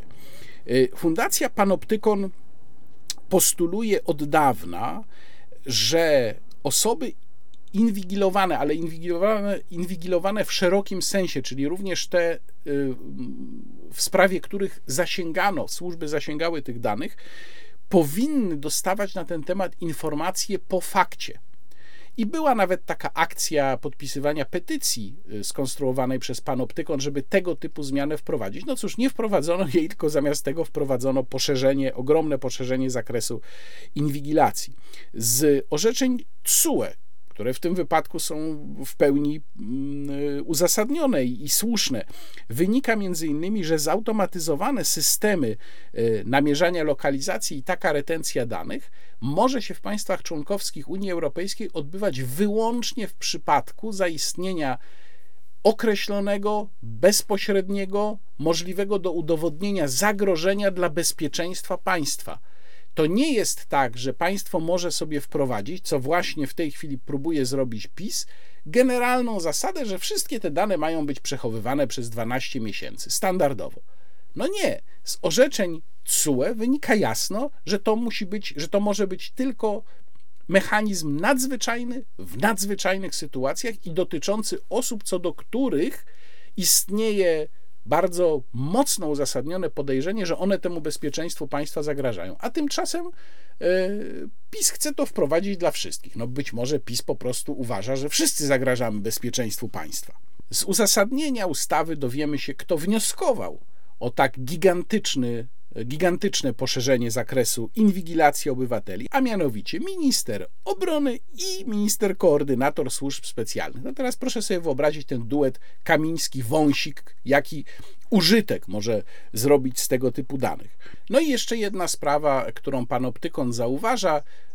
Jak Państwo być może pamiętają, serwis internetowy w Realu 24 został zablokowany na podstawie prawa telekomunikacyjnego, tego obecnie obowiązującego y, i przepisu zawartego w nim, który nigdy nie był wykorzystywany, a który pozwalał y, służbom nieokreślonym, bo tam było użyte sformułowanie uprawnione organy zwrócić się bezpośrednio do operatorów telekomunikacyjnych o zablokowanie określonych e, serwisów. No i to właśnie spotkało w Realu 24, jeżeli chodzi o ich stronę internetową i to było działanie jak w procesie Franca Kawki, dlatego że e, nikt o niczym nie został poinformowany. Wszystko się działo gdzieś za kulisami, a w realu się po prostu zorientowało nagle, że im strona nie działa. Częściowo ten mechanizm został niby naprawiony, Fundacja Panoptykon to zauważa, to znaczy przekazano tę kompetencję blokowania teraz szefowi Urzędu Komunikacji Elektronicznej na wniosek tych uprawnionych e, instytucji, ale nadal nie ma obowiązku poinformowania o tym fakcie tego, kogo to dotyka. Czyli jest jakaś mała zmiana na lepsze, ale zdecydowanie zbyt mała. I teraz najśmieszniejsze, panoptykon zauważa, że y, w przypadku zablokowania czy usunięcia treści o charakterze terrorystycznym, dostawcy tych treści będą o tym zgodnie z prawem informowani. Natomiast w sytuacji blokowania treści ze względu na zagrożenie obronności, bezpieczeństwa państwa oraz porządek publiczny, co wydaje się mniej groźne, tak pisze pan Optykon i ma oczywiście rację, dostawcy treści tej informacji nie otrzymają. Czyli po prostu zobaczą, tak jak wtedy w Realu 24, że strona im nagle nie działa. Pierwsza sprawa, którą tutaj trzeba powiedzieć, podsumowując ten wątek, to stwierdzenie, że zdanie uczciwi nie mają się czego bać, często się takie pojawia, jest jednym z najgłupszych stwierdzeń, e, które mnie osobiście bardzo irytuje, jakie można usłyszeć. Nie, otóż to właśnie uczciwi muszą się bać, a zwłaszcza uczciwi, którzy nie podporządkowują się z jakiegoś powodu władzy, nie łamiąc przy tym prawa. To jest bardzo ważne. W Polsce jest aż dziewięć służb uprawnionych do inwigilacji obywateli. Dziewięć.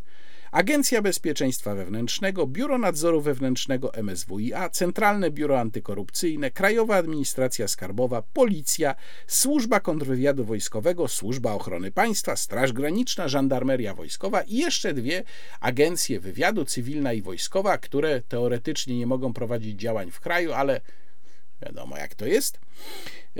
Im więcej możliwości inwigilacji, a tutaj proszę zobaczyć, jak ogromny jest ten zakres kompetencji, jak wiele służb obejmuje, tym więcej możliwości nadużyć. To jest absolutnie bezsprzeczna prawidłowość przez nadużycia rozumiem tutaj również nadużycia korupcyjne, czyli ktoś przychodzi do funkcjonariusza, który ma dostęp do tej końcówki systemu, dostęp do tych danych i po prostu korumpuje go po to, żeby uzyskał dla niego informacje o jakiejś osobie e, dostępne właśnie w tym systemie. Powiedziałem już Państwu, jak gigantyczny będzie zakres tych danych. Ogromne są też możliwości wykorzystywania takich systemów przeciwko obywatelom, którzy sprawiają problemy różnego rodzaju aktywistom, dziennikarzom, być może także prawnikom, którzy takich osób będą mm, bronić. Obserwując poczynania tej władzy w ciągu ostatnich no już prawie 8 lat, naprawdę trudno jej zaufać, a ja mnóstwo już razy i mówiłem, i pisałem przede wszystkim w swoich tekstach o tym, jak niesamowicie groźnym uzasadnieniem jest to uzasadnienie z bezpieczeństwa. Bezpieczeństwem da się, proszę Państwa, uzasadnić wszystko, każde wtargnięcie w naszą wolność i w naszą prywatność. Nacisk na to, żeby tworzyć nowe możliwości inwigilacji, płynie również z lenistwa funkcjonariuszy.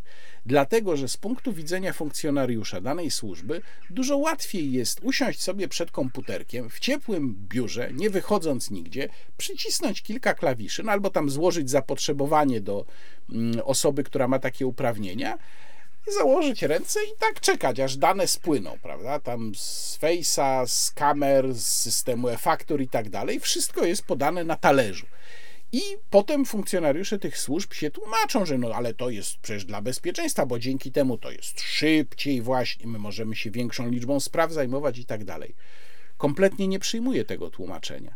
To, że jest szybciej i wygodniej dla funkcjonariuszy, może rzeczywiście jest szybciej, funkcjonariuszy, którzy w przeciwnym wypadku musieliby prowadzić normalną pracę operacyjną w terenie, ale to się dzieje kosztem naszej wolności i naszej prywatności. I ten koszt jest po prostu zbyt wysoki.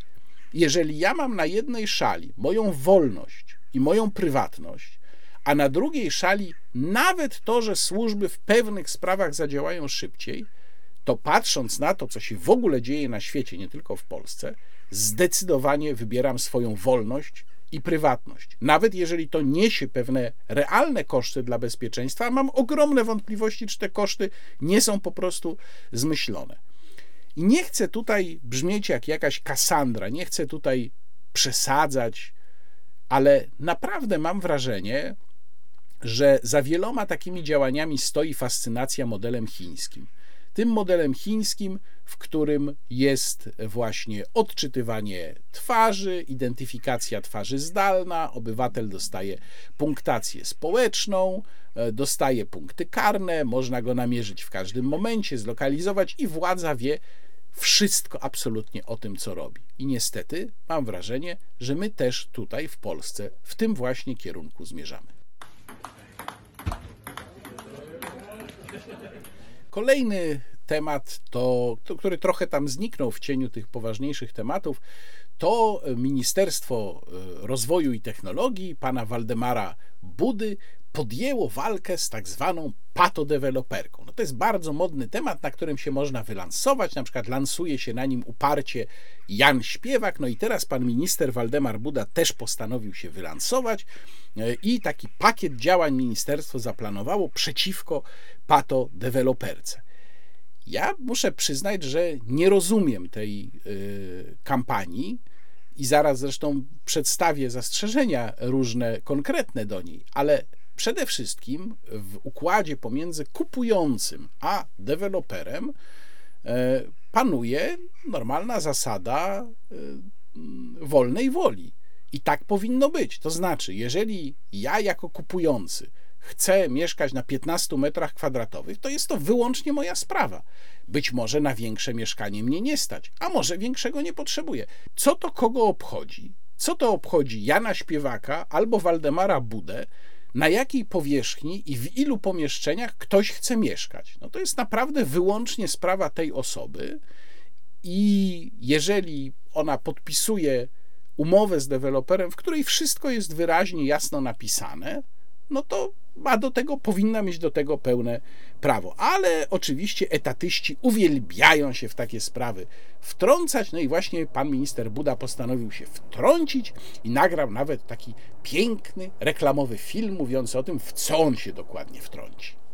Przystępujemy do zmiany obrazu i architektury naszych osiedli z myślą o komforcie mieszkańców i najlepszych standardach europejskich. Zwracamy uwagę na człowieka, a nie tylko interes i zysk dewelopera. Są w naszym kraju osiedla, na których sąsiedzi mogą sobie podawać ręce przez okna. Powstają apart-hotele i mikrokawalerki urządzane w lokalach usługowych. Mamy ciemne mieszkania bez promieni słonecznych albo place zabaw składające się z jednej huśtawki, otoczone żelazną siatką na środku betonowego parkingu. Są mieszkania, które są proponowane o powierzchni 2,5 metra kwadratowego. Patodeweloperka to także gigantyczne straty dla całego społeczeństwa, wynikające z korków na drogach, czasem i pieniędzmi, jakie traci się na dojazdy. Dlatego przygotowaliśmy pierwsze rozwiązania, które mają przeciwdziałać tym złym praktykom. Zmienimy obraz i architekturę nowych osiedli. W tym filmie jest kilka kompletnych absurdów. Po pierwsze, w jaki mianowicie sposób, zdaniem pana ministra, patodeweloperka, jak on to nazywa, wpływa na to, że są korki i ludzie tracą w nich czas? To znaczy, jeżeli za sprawą tych regulacji ministerstwa mieszkań będzie mniej, no bo taki będzie nieuchronny skutek tego, to zdaniem pana ministra Budy co? Ci ludzie gdzieś znikną, wyparują i przestaną jeździć samochodami? No przecież nie. Jedyna kwestia, jaka się tu pojawia, no to to, że mamy takie skupiska bloków, z których w jednym momencie wyjeżdża dużo ludzi, no ale to bardziej jest kwestia infrastruktury drogowej danej miejscowości. Być może wymogów dotyczących rozbudowy tej infrastruktury w ramach planów zagospodarowania przestrzennego, zapewnienia odpowiedniej przepustowości, jeżeli te plany uwzględniają budowę osiedli, no ale to nie jest kwestia tego, że tam będzie więcej czy mniej mieszkań. Druga sprawa, która tam się pojawia, minimum 25 metrów kwadratowych lokalu użytkowego. Tylko, że wielu przedsiębiorców nie potrzebuje takiego dużego lokalu. Mniejsze lokale, mówi tam pan minister, mają być na parterze. Ale znów, no co to go obchodzi? Znaczy, oczywiście on tam mówi, że bo, potem te lokale są zamieniane na lokale mieszkalne. Ale co go to też obchodzi? Prawdę powiedziawszy. A ten wymóg minimum 25 metrów kwadratowych jest absurdalny, bo wielu przedsiębiorców potrzebuje naprawdę malutkiej klitki tylko po to, żeby tam, żeby tam mieć biuro, żeby tam wstawić biurko, fotel, komputer i drukarkę i to jest wszystko. Czyli znów będą nam poprawiać rzeczywistość. W ogóle pan minister snuje jakąś opowieść o nowym, lepszym świecie, jak to oni tu zapewnią, balkony, place zabaw, odstępy pomiędzy budynkami. A tymczasem jedyna rzecz, którą polskie państwo powinno zapewnić, to sprawne sądownictwo cywilne, tak żeby, jeżeli ktoś podpisze umowę z deweloperem i potem deweloper się z tej umowy nie wywiąże, albo oszuka klienta, żeby móc szybko i bezproblemowo dochodzić swoich spraw, e, swoich praw w sądzie. Tego potrzebuje obywatel, a nie tego, żeby mu się ministerstwo wpieprzało w to, jaką on ma mieć powierzchnię kuchni albo grubość ścian. Ale akurat jeżeli chodzi o sądownictwo i w szczególności sądownictwo cywilne, no to już mówiłem wcześniej, co władza nam proponuje. Nie usprawnienie, tylko kompletny paraliż i rozwałkę. Ministerstwo powołuje się w takim y, omówieniu tych zmian, które chce wprowadzić, na wyliczenia Polskiego Instytutu Ekonomicznego, że chaos przestrzenny w Polsce kosztuje nas 84,3 miliarda złotych rocznie. Ja nie wiem, jak Pije to wyliczył, bo nie dotarłem do tych wyliczeń. To też jestem ciekaw, jaka tutaj metodologia została zastosowana, ale nawet niech będzie.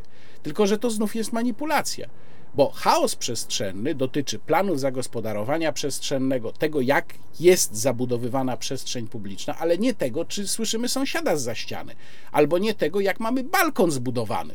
To nie jest chaos przestrzenny, więc pan minister myślę, że świadomie w pełni miesza kwestie tych kosztów, mówię, nie wiem o co tutaj chodzi i skąd one się biorą, skąd pije je wyliczył, no ale powiedzmy, bierze kwestię tych kosztów i nimi uzasadnia zmiany, które na te koszty nie będą miały absolutnie żadnego mm, wpływu. Tam nie wszystkie rozwiązania, żeby było jasne, są złe w tym pakiecie, który ministerstwo proponuje, ale razem z tym, co wynika z pakietu Fit for 55, a wynikają rzeczy straszne, między innymi konieczność zmodernizowania budynków, które mają być na przykład wynajmowane, sprzedawane, czy w ogóle nieruchomości, więc też mieszkań, e, czy na przykład są dziedziczone, zmodernizowania do najwyższego tego ekologicznego standardu, czyli to, to są po prostu ogromne pieniądze. Razem z tymi y, zmianami, które planuje, planuje Ministerstwo Rozwoju, a które spowodują, że na danym terenie deweloper zbuduje po prostu mniej mieszkań, to spowoduje,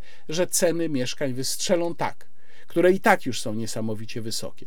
Czyli, krótko mówiąc, ministerstwo planuje zmiany, które spowodują, łącznie z tymi innymi czynnikami, że za kilka lat mieszkanie będzie towarem absolutnie, absolutnie luksusowym. Ale zawsze tak kończą się właśnie różne szlachetne plany etatystów.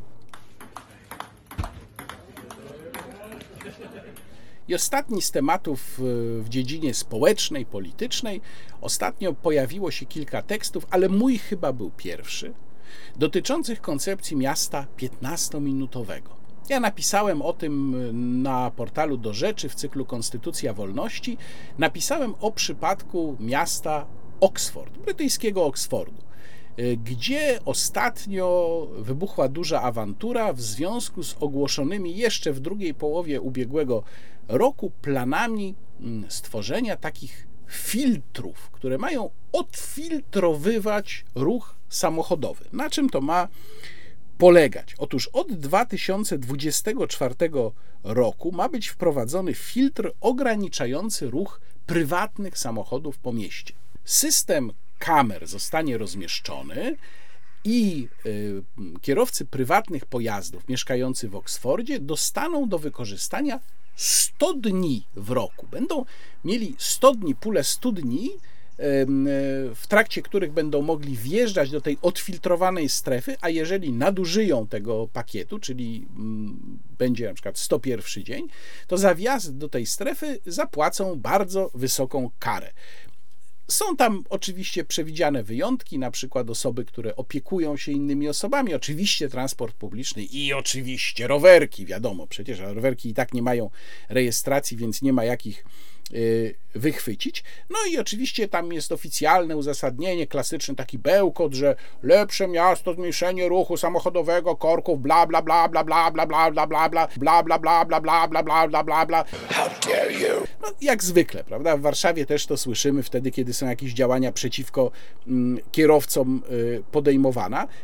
podejmowane. Natomiast bardzo wielu mieszkańców Oksfordu no, jest skrajnie z tego niezadowolonych. I wokół tego rzeczywiście wybuchła duża awantura. Cały czas to jest y, temat materiałów prasowych, telewizyjnych. Jak Państwo wpiszą Oxford 15 Minutes City, to y, w internecie to zobaczą Państwo, ile tam jest na ten temat filmów, tekstów, więc niezadowolenie rzeczywiście wybuchło.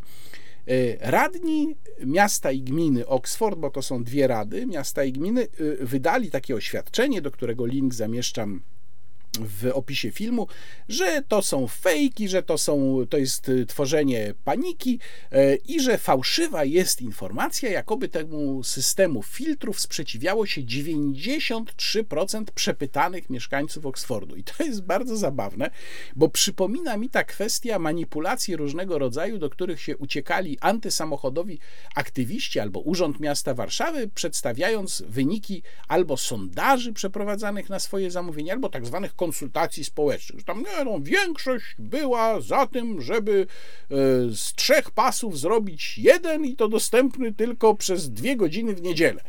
E, no więc jak to wygląda? Tam oni zamieszczają w e, radni gminy i miasta Oxford tabelkę z właśnie takiego badania, tylko że z tej tabelki w zasadzie wynika, że oni sami kłamią, ponieważ jedynie 7% pytanych e, odpowiedziało, że widzą jakiekolwiek korzyści wynikające z tego systemu filtrowania. Tylko 7%. Natomiast pozostali wskazywali na różne złe skutki, czyli na przykład ruch przeniesie się do innych rejonów miasta, to było 13% odpowiedzi.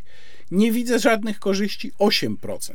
Plan zwiększy zanieczyszczenie 5%. Obawiam się o los lokalnych biznesów 3%. Zresztą ta obawa o los lokalnych biznesów bardzo często się tam w Oksfordzie w związku z tym e, programem pojawia.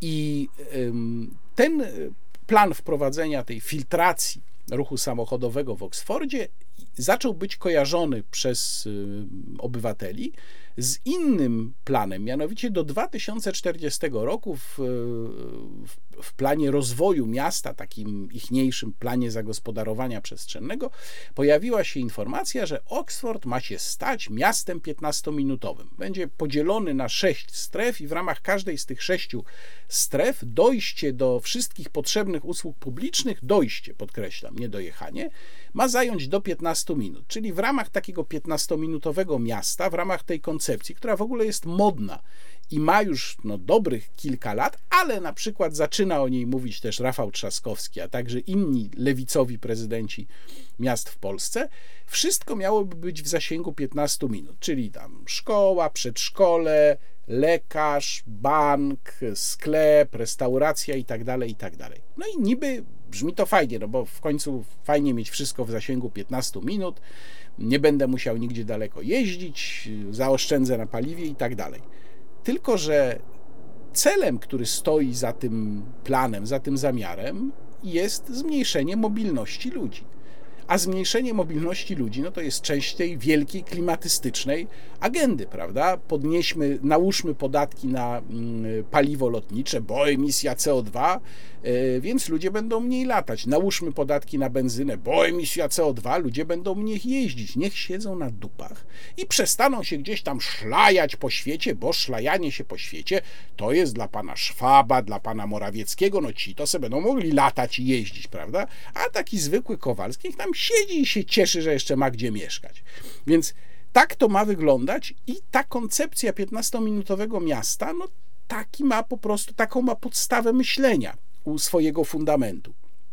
Ale to oznacza jeszcze jedną rzecz, i tu przychodzi mi do głowy, nawiasem mówiąc, e, świętej pamięci e, Sir Roger Scruton, który, jak Państwo pewnie wiedzą, jeżeli znają Państwo jego działalność i twórczość, zajmował się również architekturą, zresztą był członkiem przez pewien czas takiej e, rady do spraw architektury przy mm, rządzie brytyjskim i był bardzo na tym punkcie uczulony.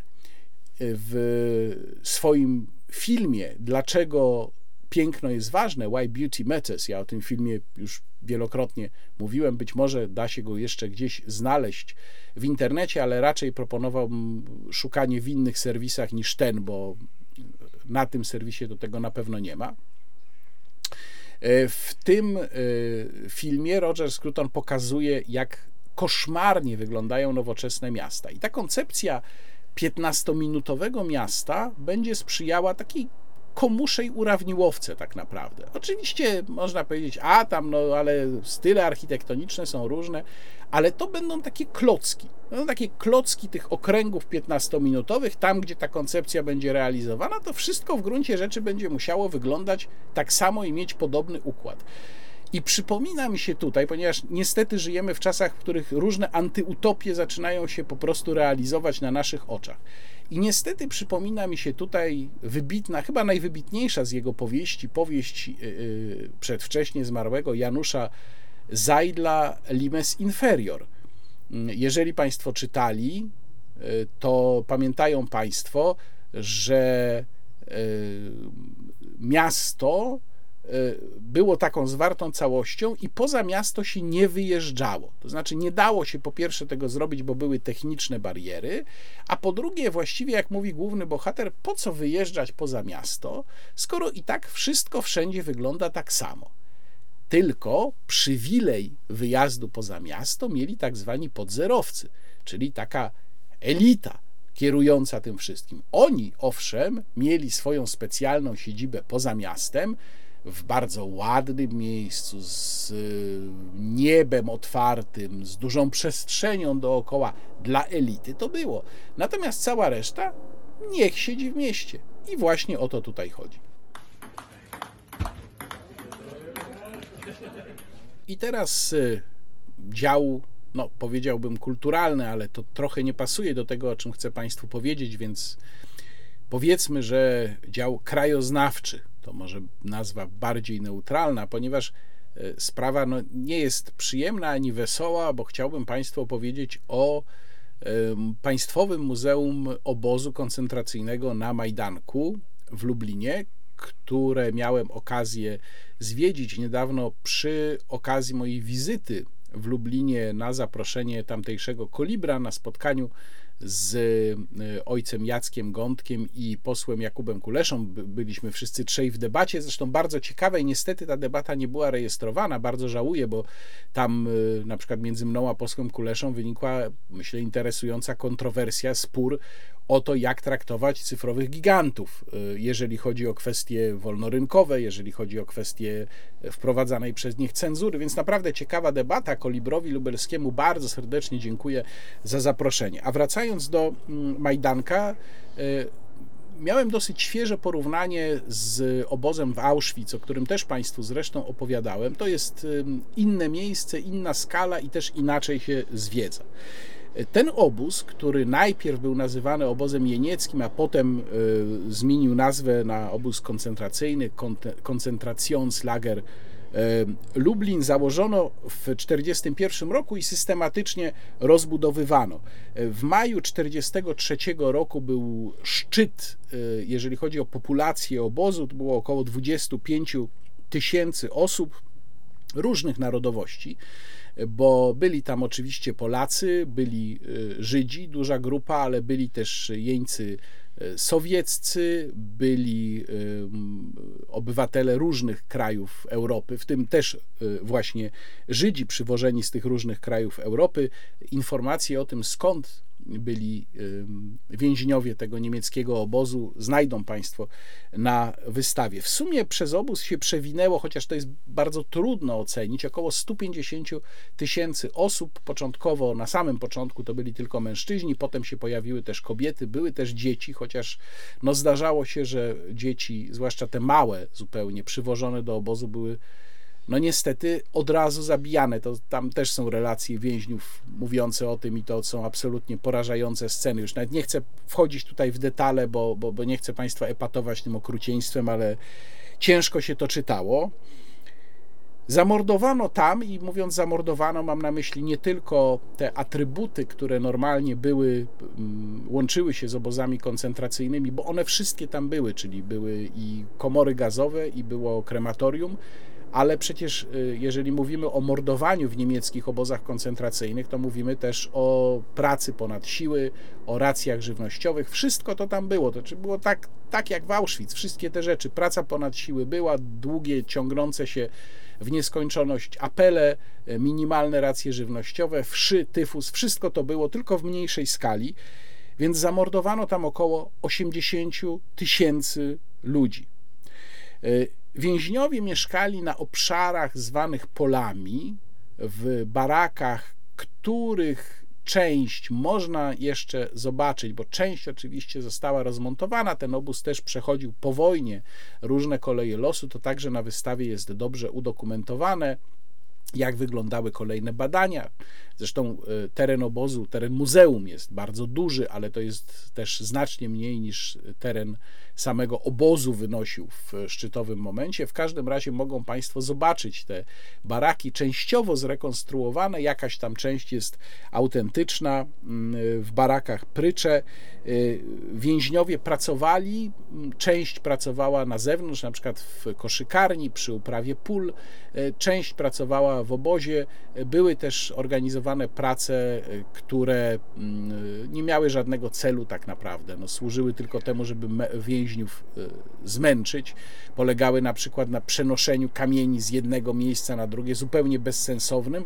Natomiast najgorszą pracą, i mówię to na podstawie książki, którą tam kupiłem, no wstrząsającej, ale też bardzo ciekawej, Majdanek, obóz koncentracyjny w relacjach więźniów i świadków, to jest zupełnie nowa książka z ubiegłego roku, wygląda to tak, i e, najgorszą pracą, najgorszym komandem było to, które zajmowało się walcowaniem gruzu na e, drogach, e, również wewnątrz obozu. Jest tam w pewnym miejscu taki walec pokazany, kamienny, który oczywiście ciągnęli więźniowie przecież, nie maszyna ani nie koń. Więc więźniowie musieli ten, ten walec ciągnąć, żeby rozwalcować gruz. Warto przede wszystkim, jak się tam będzie, zwrócić uwagę, no poza takimi oczywistymi właśnie rzeczami, jak ekspozycje pokazujące wnętrze baraków chociażby, zwrócić uwagę na relacje więźniów.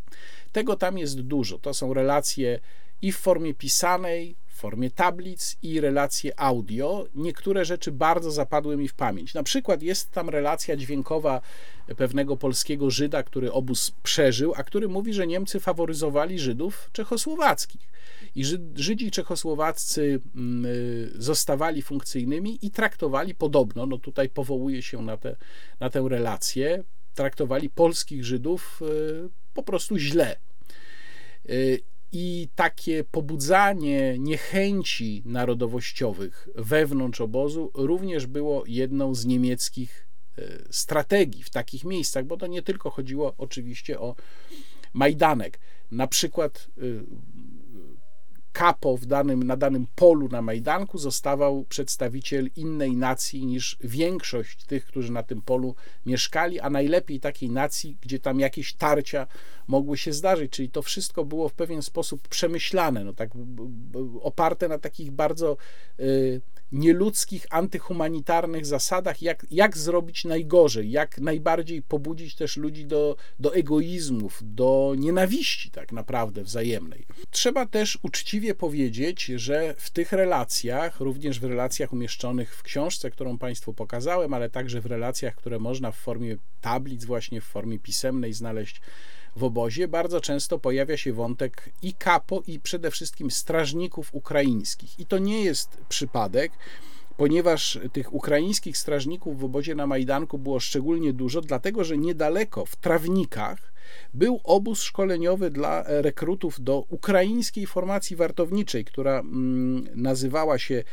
Wachmannsschaften des SS und Polizeiführers, a w skrócie SS Ukrainische Wachmannschaften.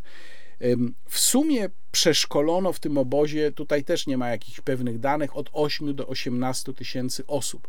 Natomiast trzeba uczciwie powiedzieć, że ci rekruci byli powoływani czy e, brali się spośród w dużej mierze więźniów sowieckich i bardzo często dla nich to był po prostu wybór pomiędzy życiem a śmiercią. Gdyby oni zostali tam, gdzie byli osadzeni jako jeńcy sowieccy, e, no to prawdopodobnie by zginęli. Więc tutaj łatwych wyborów nie było. Nie można tak łatwo i automatycznie potępiać każdego Ukraińca, który się zgłosił do tej formacji. Szczególnie, że Niemcy prowadzili na tym obszarze wyjątkowo perfidną e, politykę narodowościową.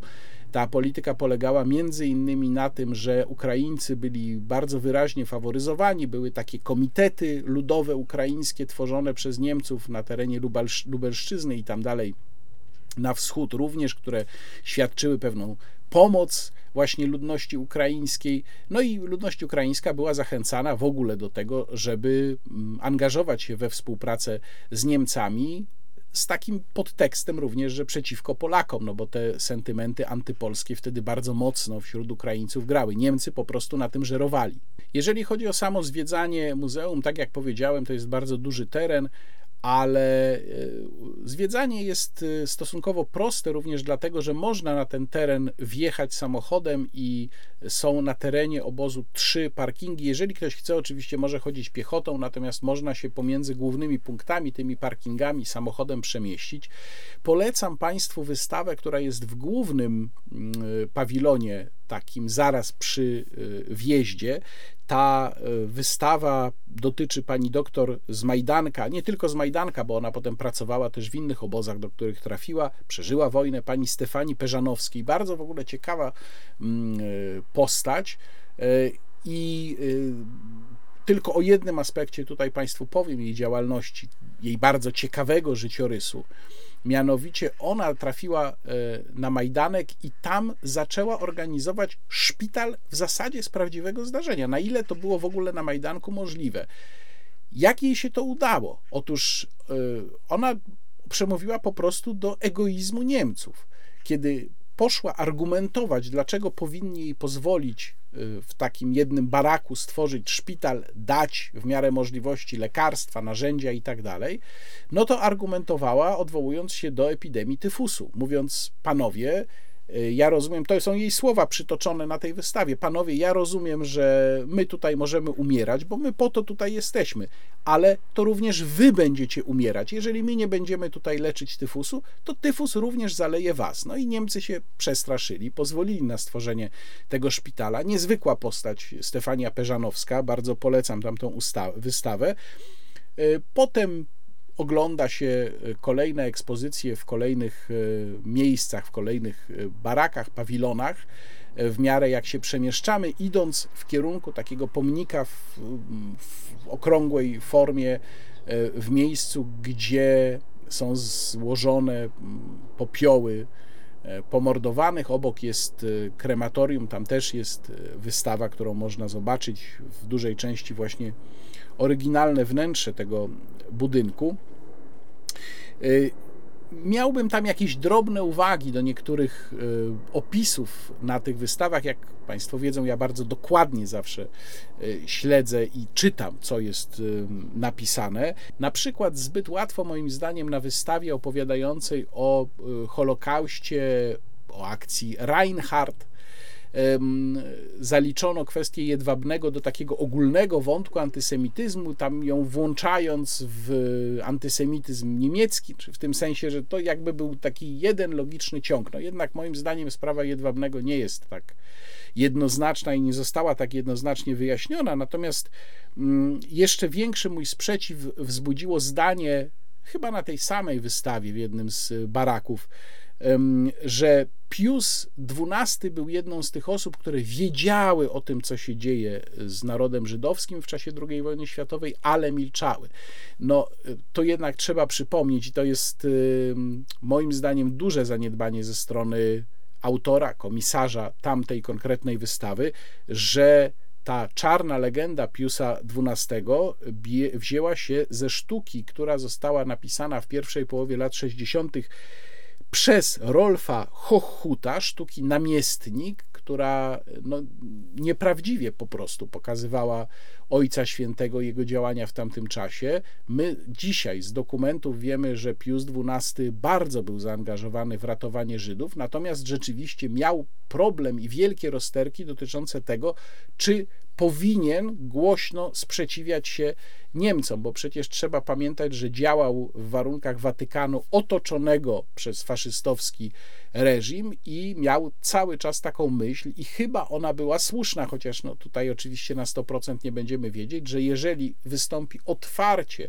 przeciwko Niemcom, to tak naprawdę utrudni Y, sam sobie, te działania sam sobie, no i, i również y, duchownym w różnych miejscach, utrudni te działania, które realnie Żydom pomagały. No, najprawdopodobniej rzeczywiście takie wystąpienie miałoby fatalne konsekwencje dla wszystkich duchownych na terenach okupowanych przez Niemców. Więc y, moim zdaniem tamto zdanie, to konkretne zdanie na tamtej wystawie powinno zostać zmienione. Ale to są takie drobne uwagi. Natomiast y, ogólnie rzecz biorąc, to jest miejsce, które trzeba odwiedzić. I ja chodząc po, po tym terenie, muzeum, czyli dawnego niemieckiego obozu koncentracyjnego, zastanawiałem się cały czas, jak to było możliwe? To jest taka myśl, która mi zawsze przychodzi w tego typu sytuacjach do głowy. Jak to było możliwe, że praktycznie cały naród zwariował? No bo tak to trzeba określić. Znaczy, popadł w kompletne szaleństwo i był w stanie całkiem na poważnie, całkiem na serio prowadzić mm, politykę planowej eksterminacji za samo pochodzenie, to jest coś, czego ja cały czas nie potrafię pojąć i prawdę mówiąc, mimo powstania tysięcy książek na ten temat, nie wiem, czy ktoś to ostatecznie przekonująco wyjaśnił.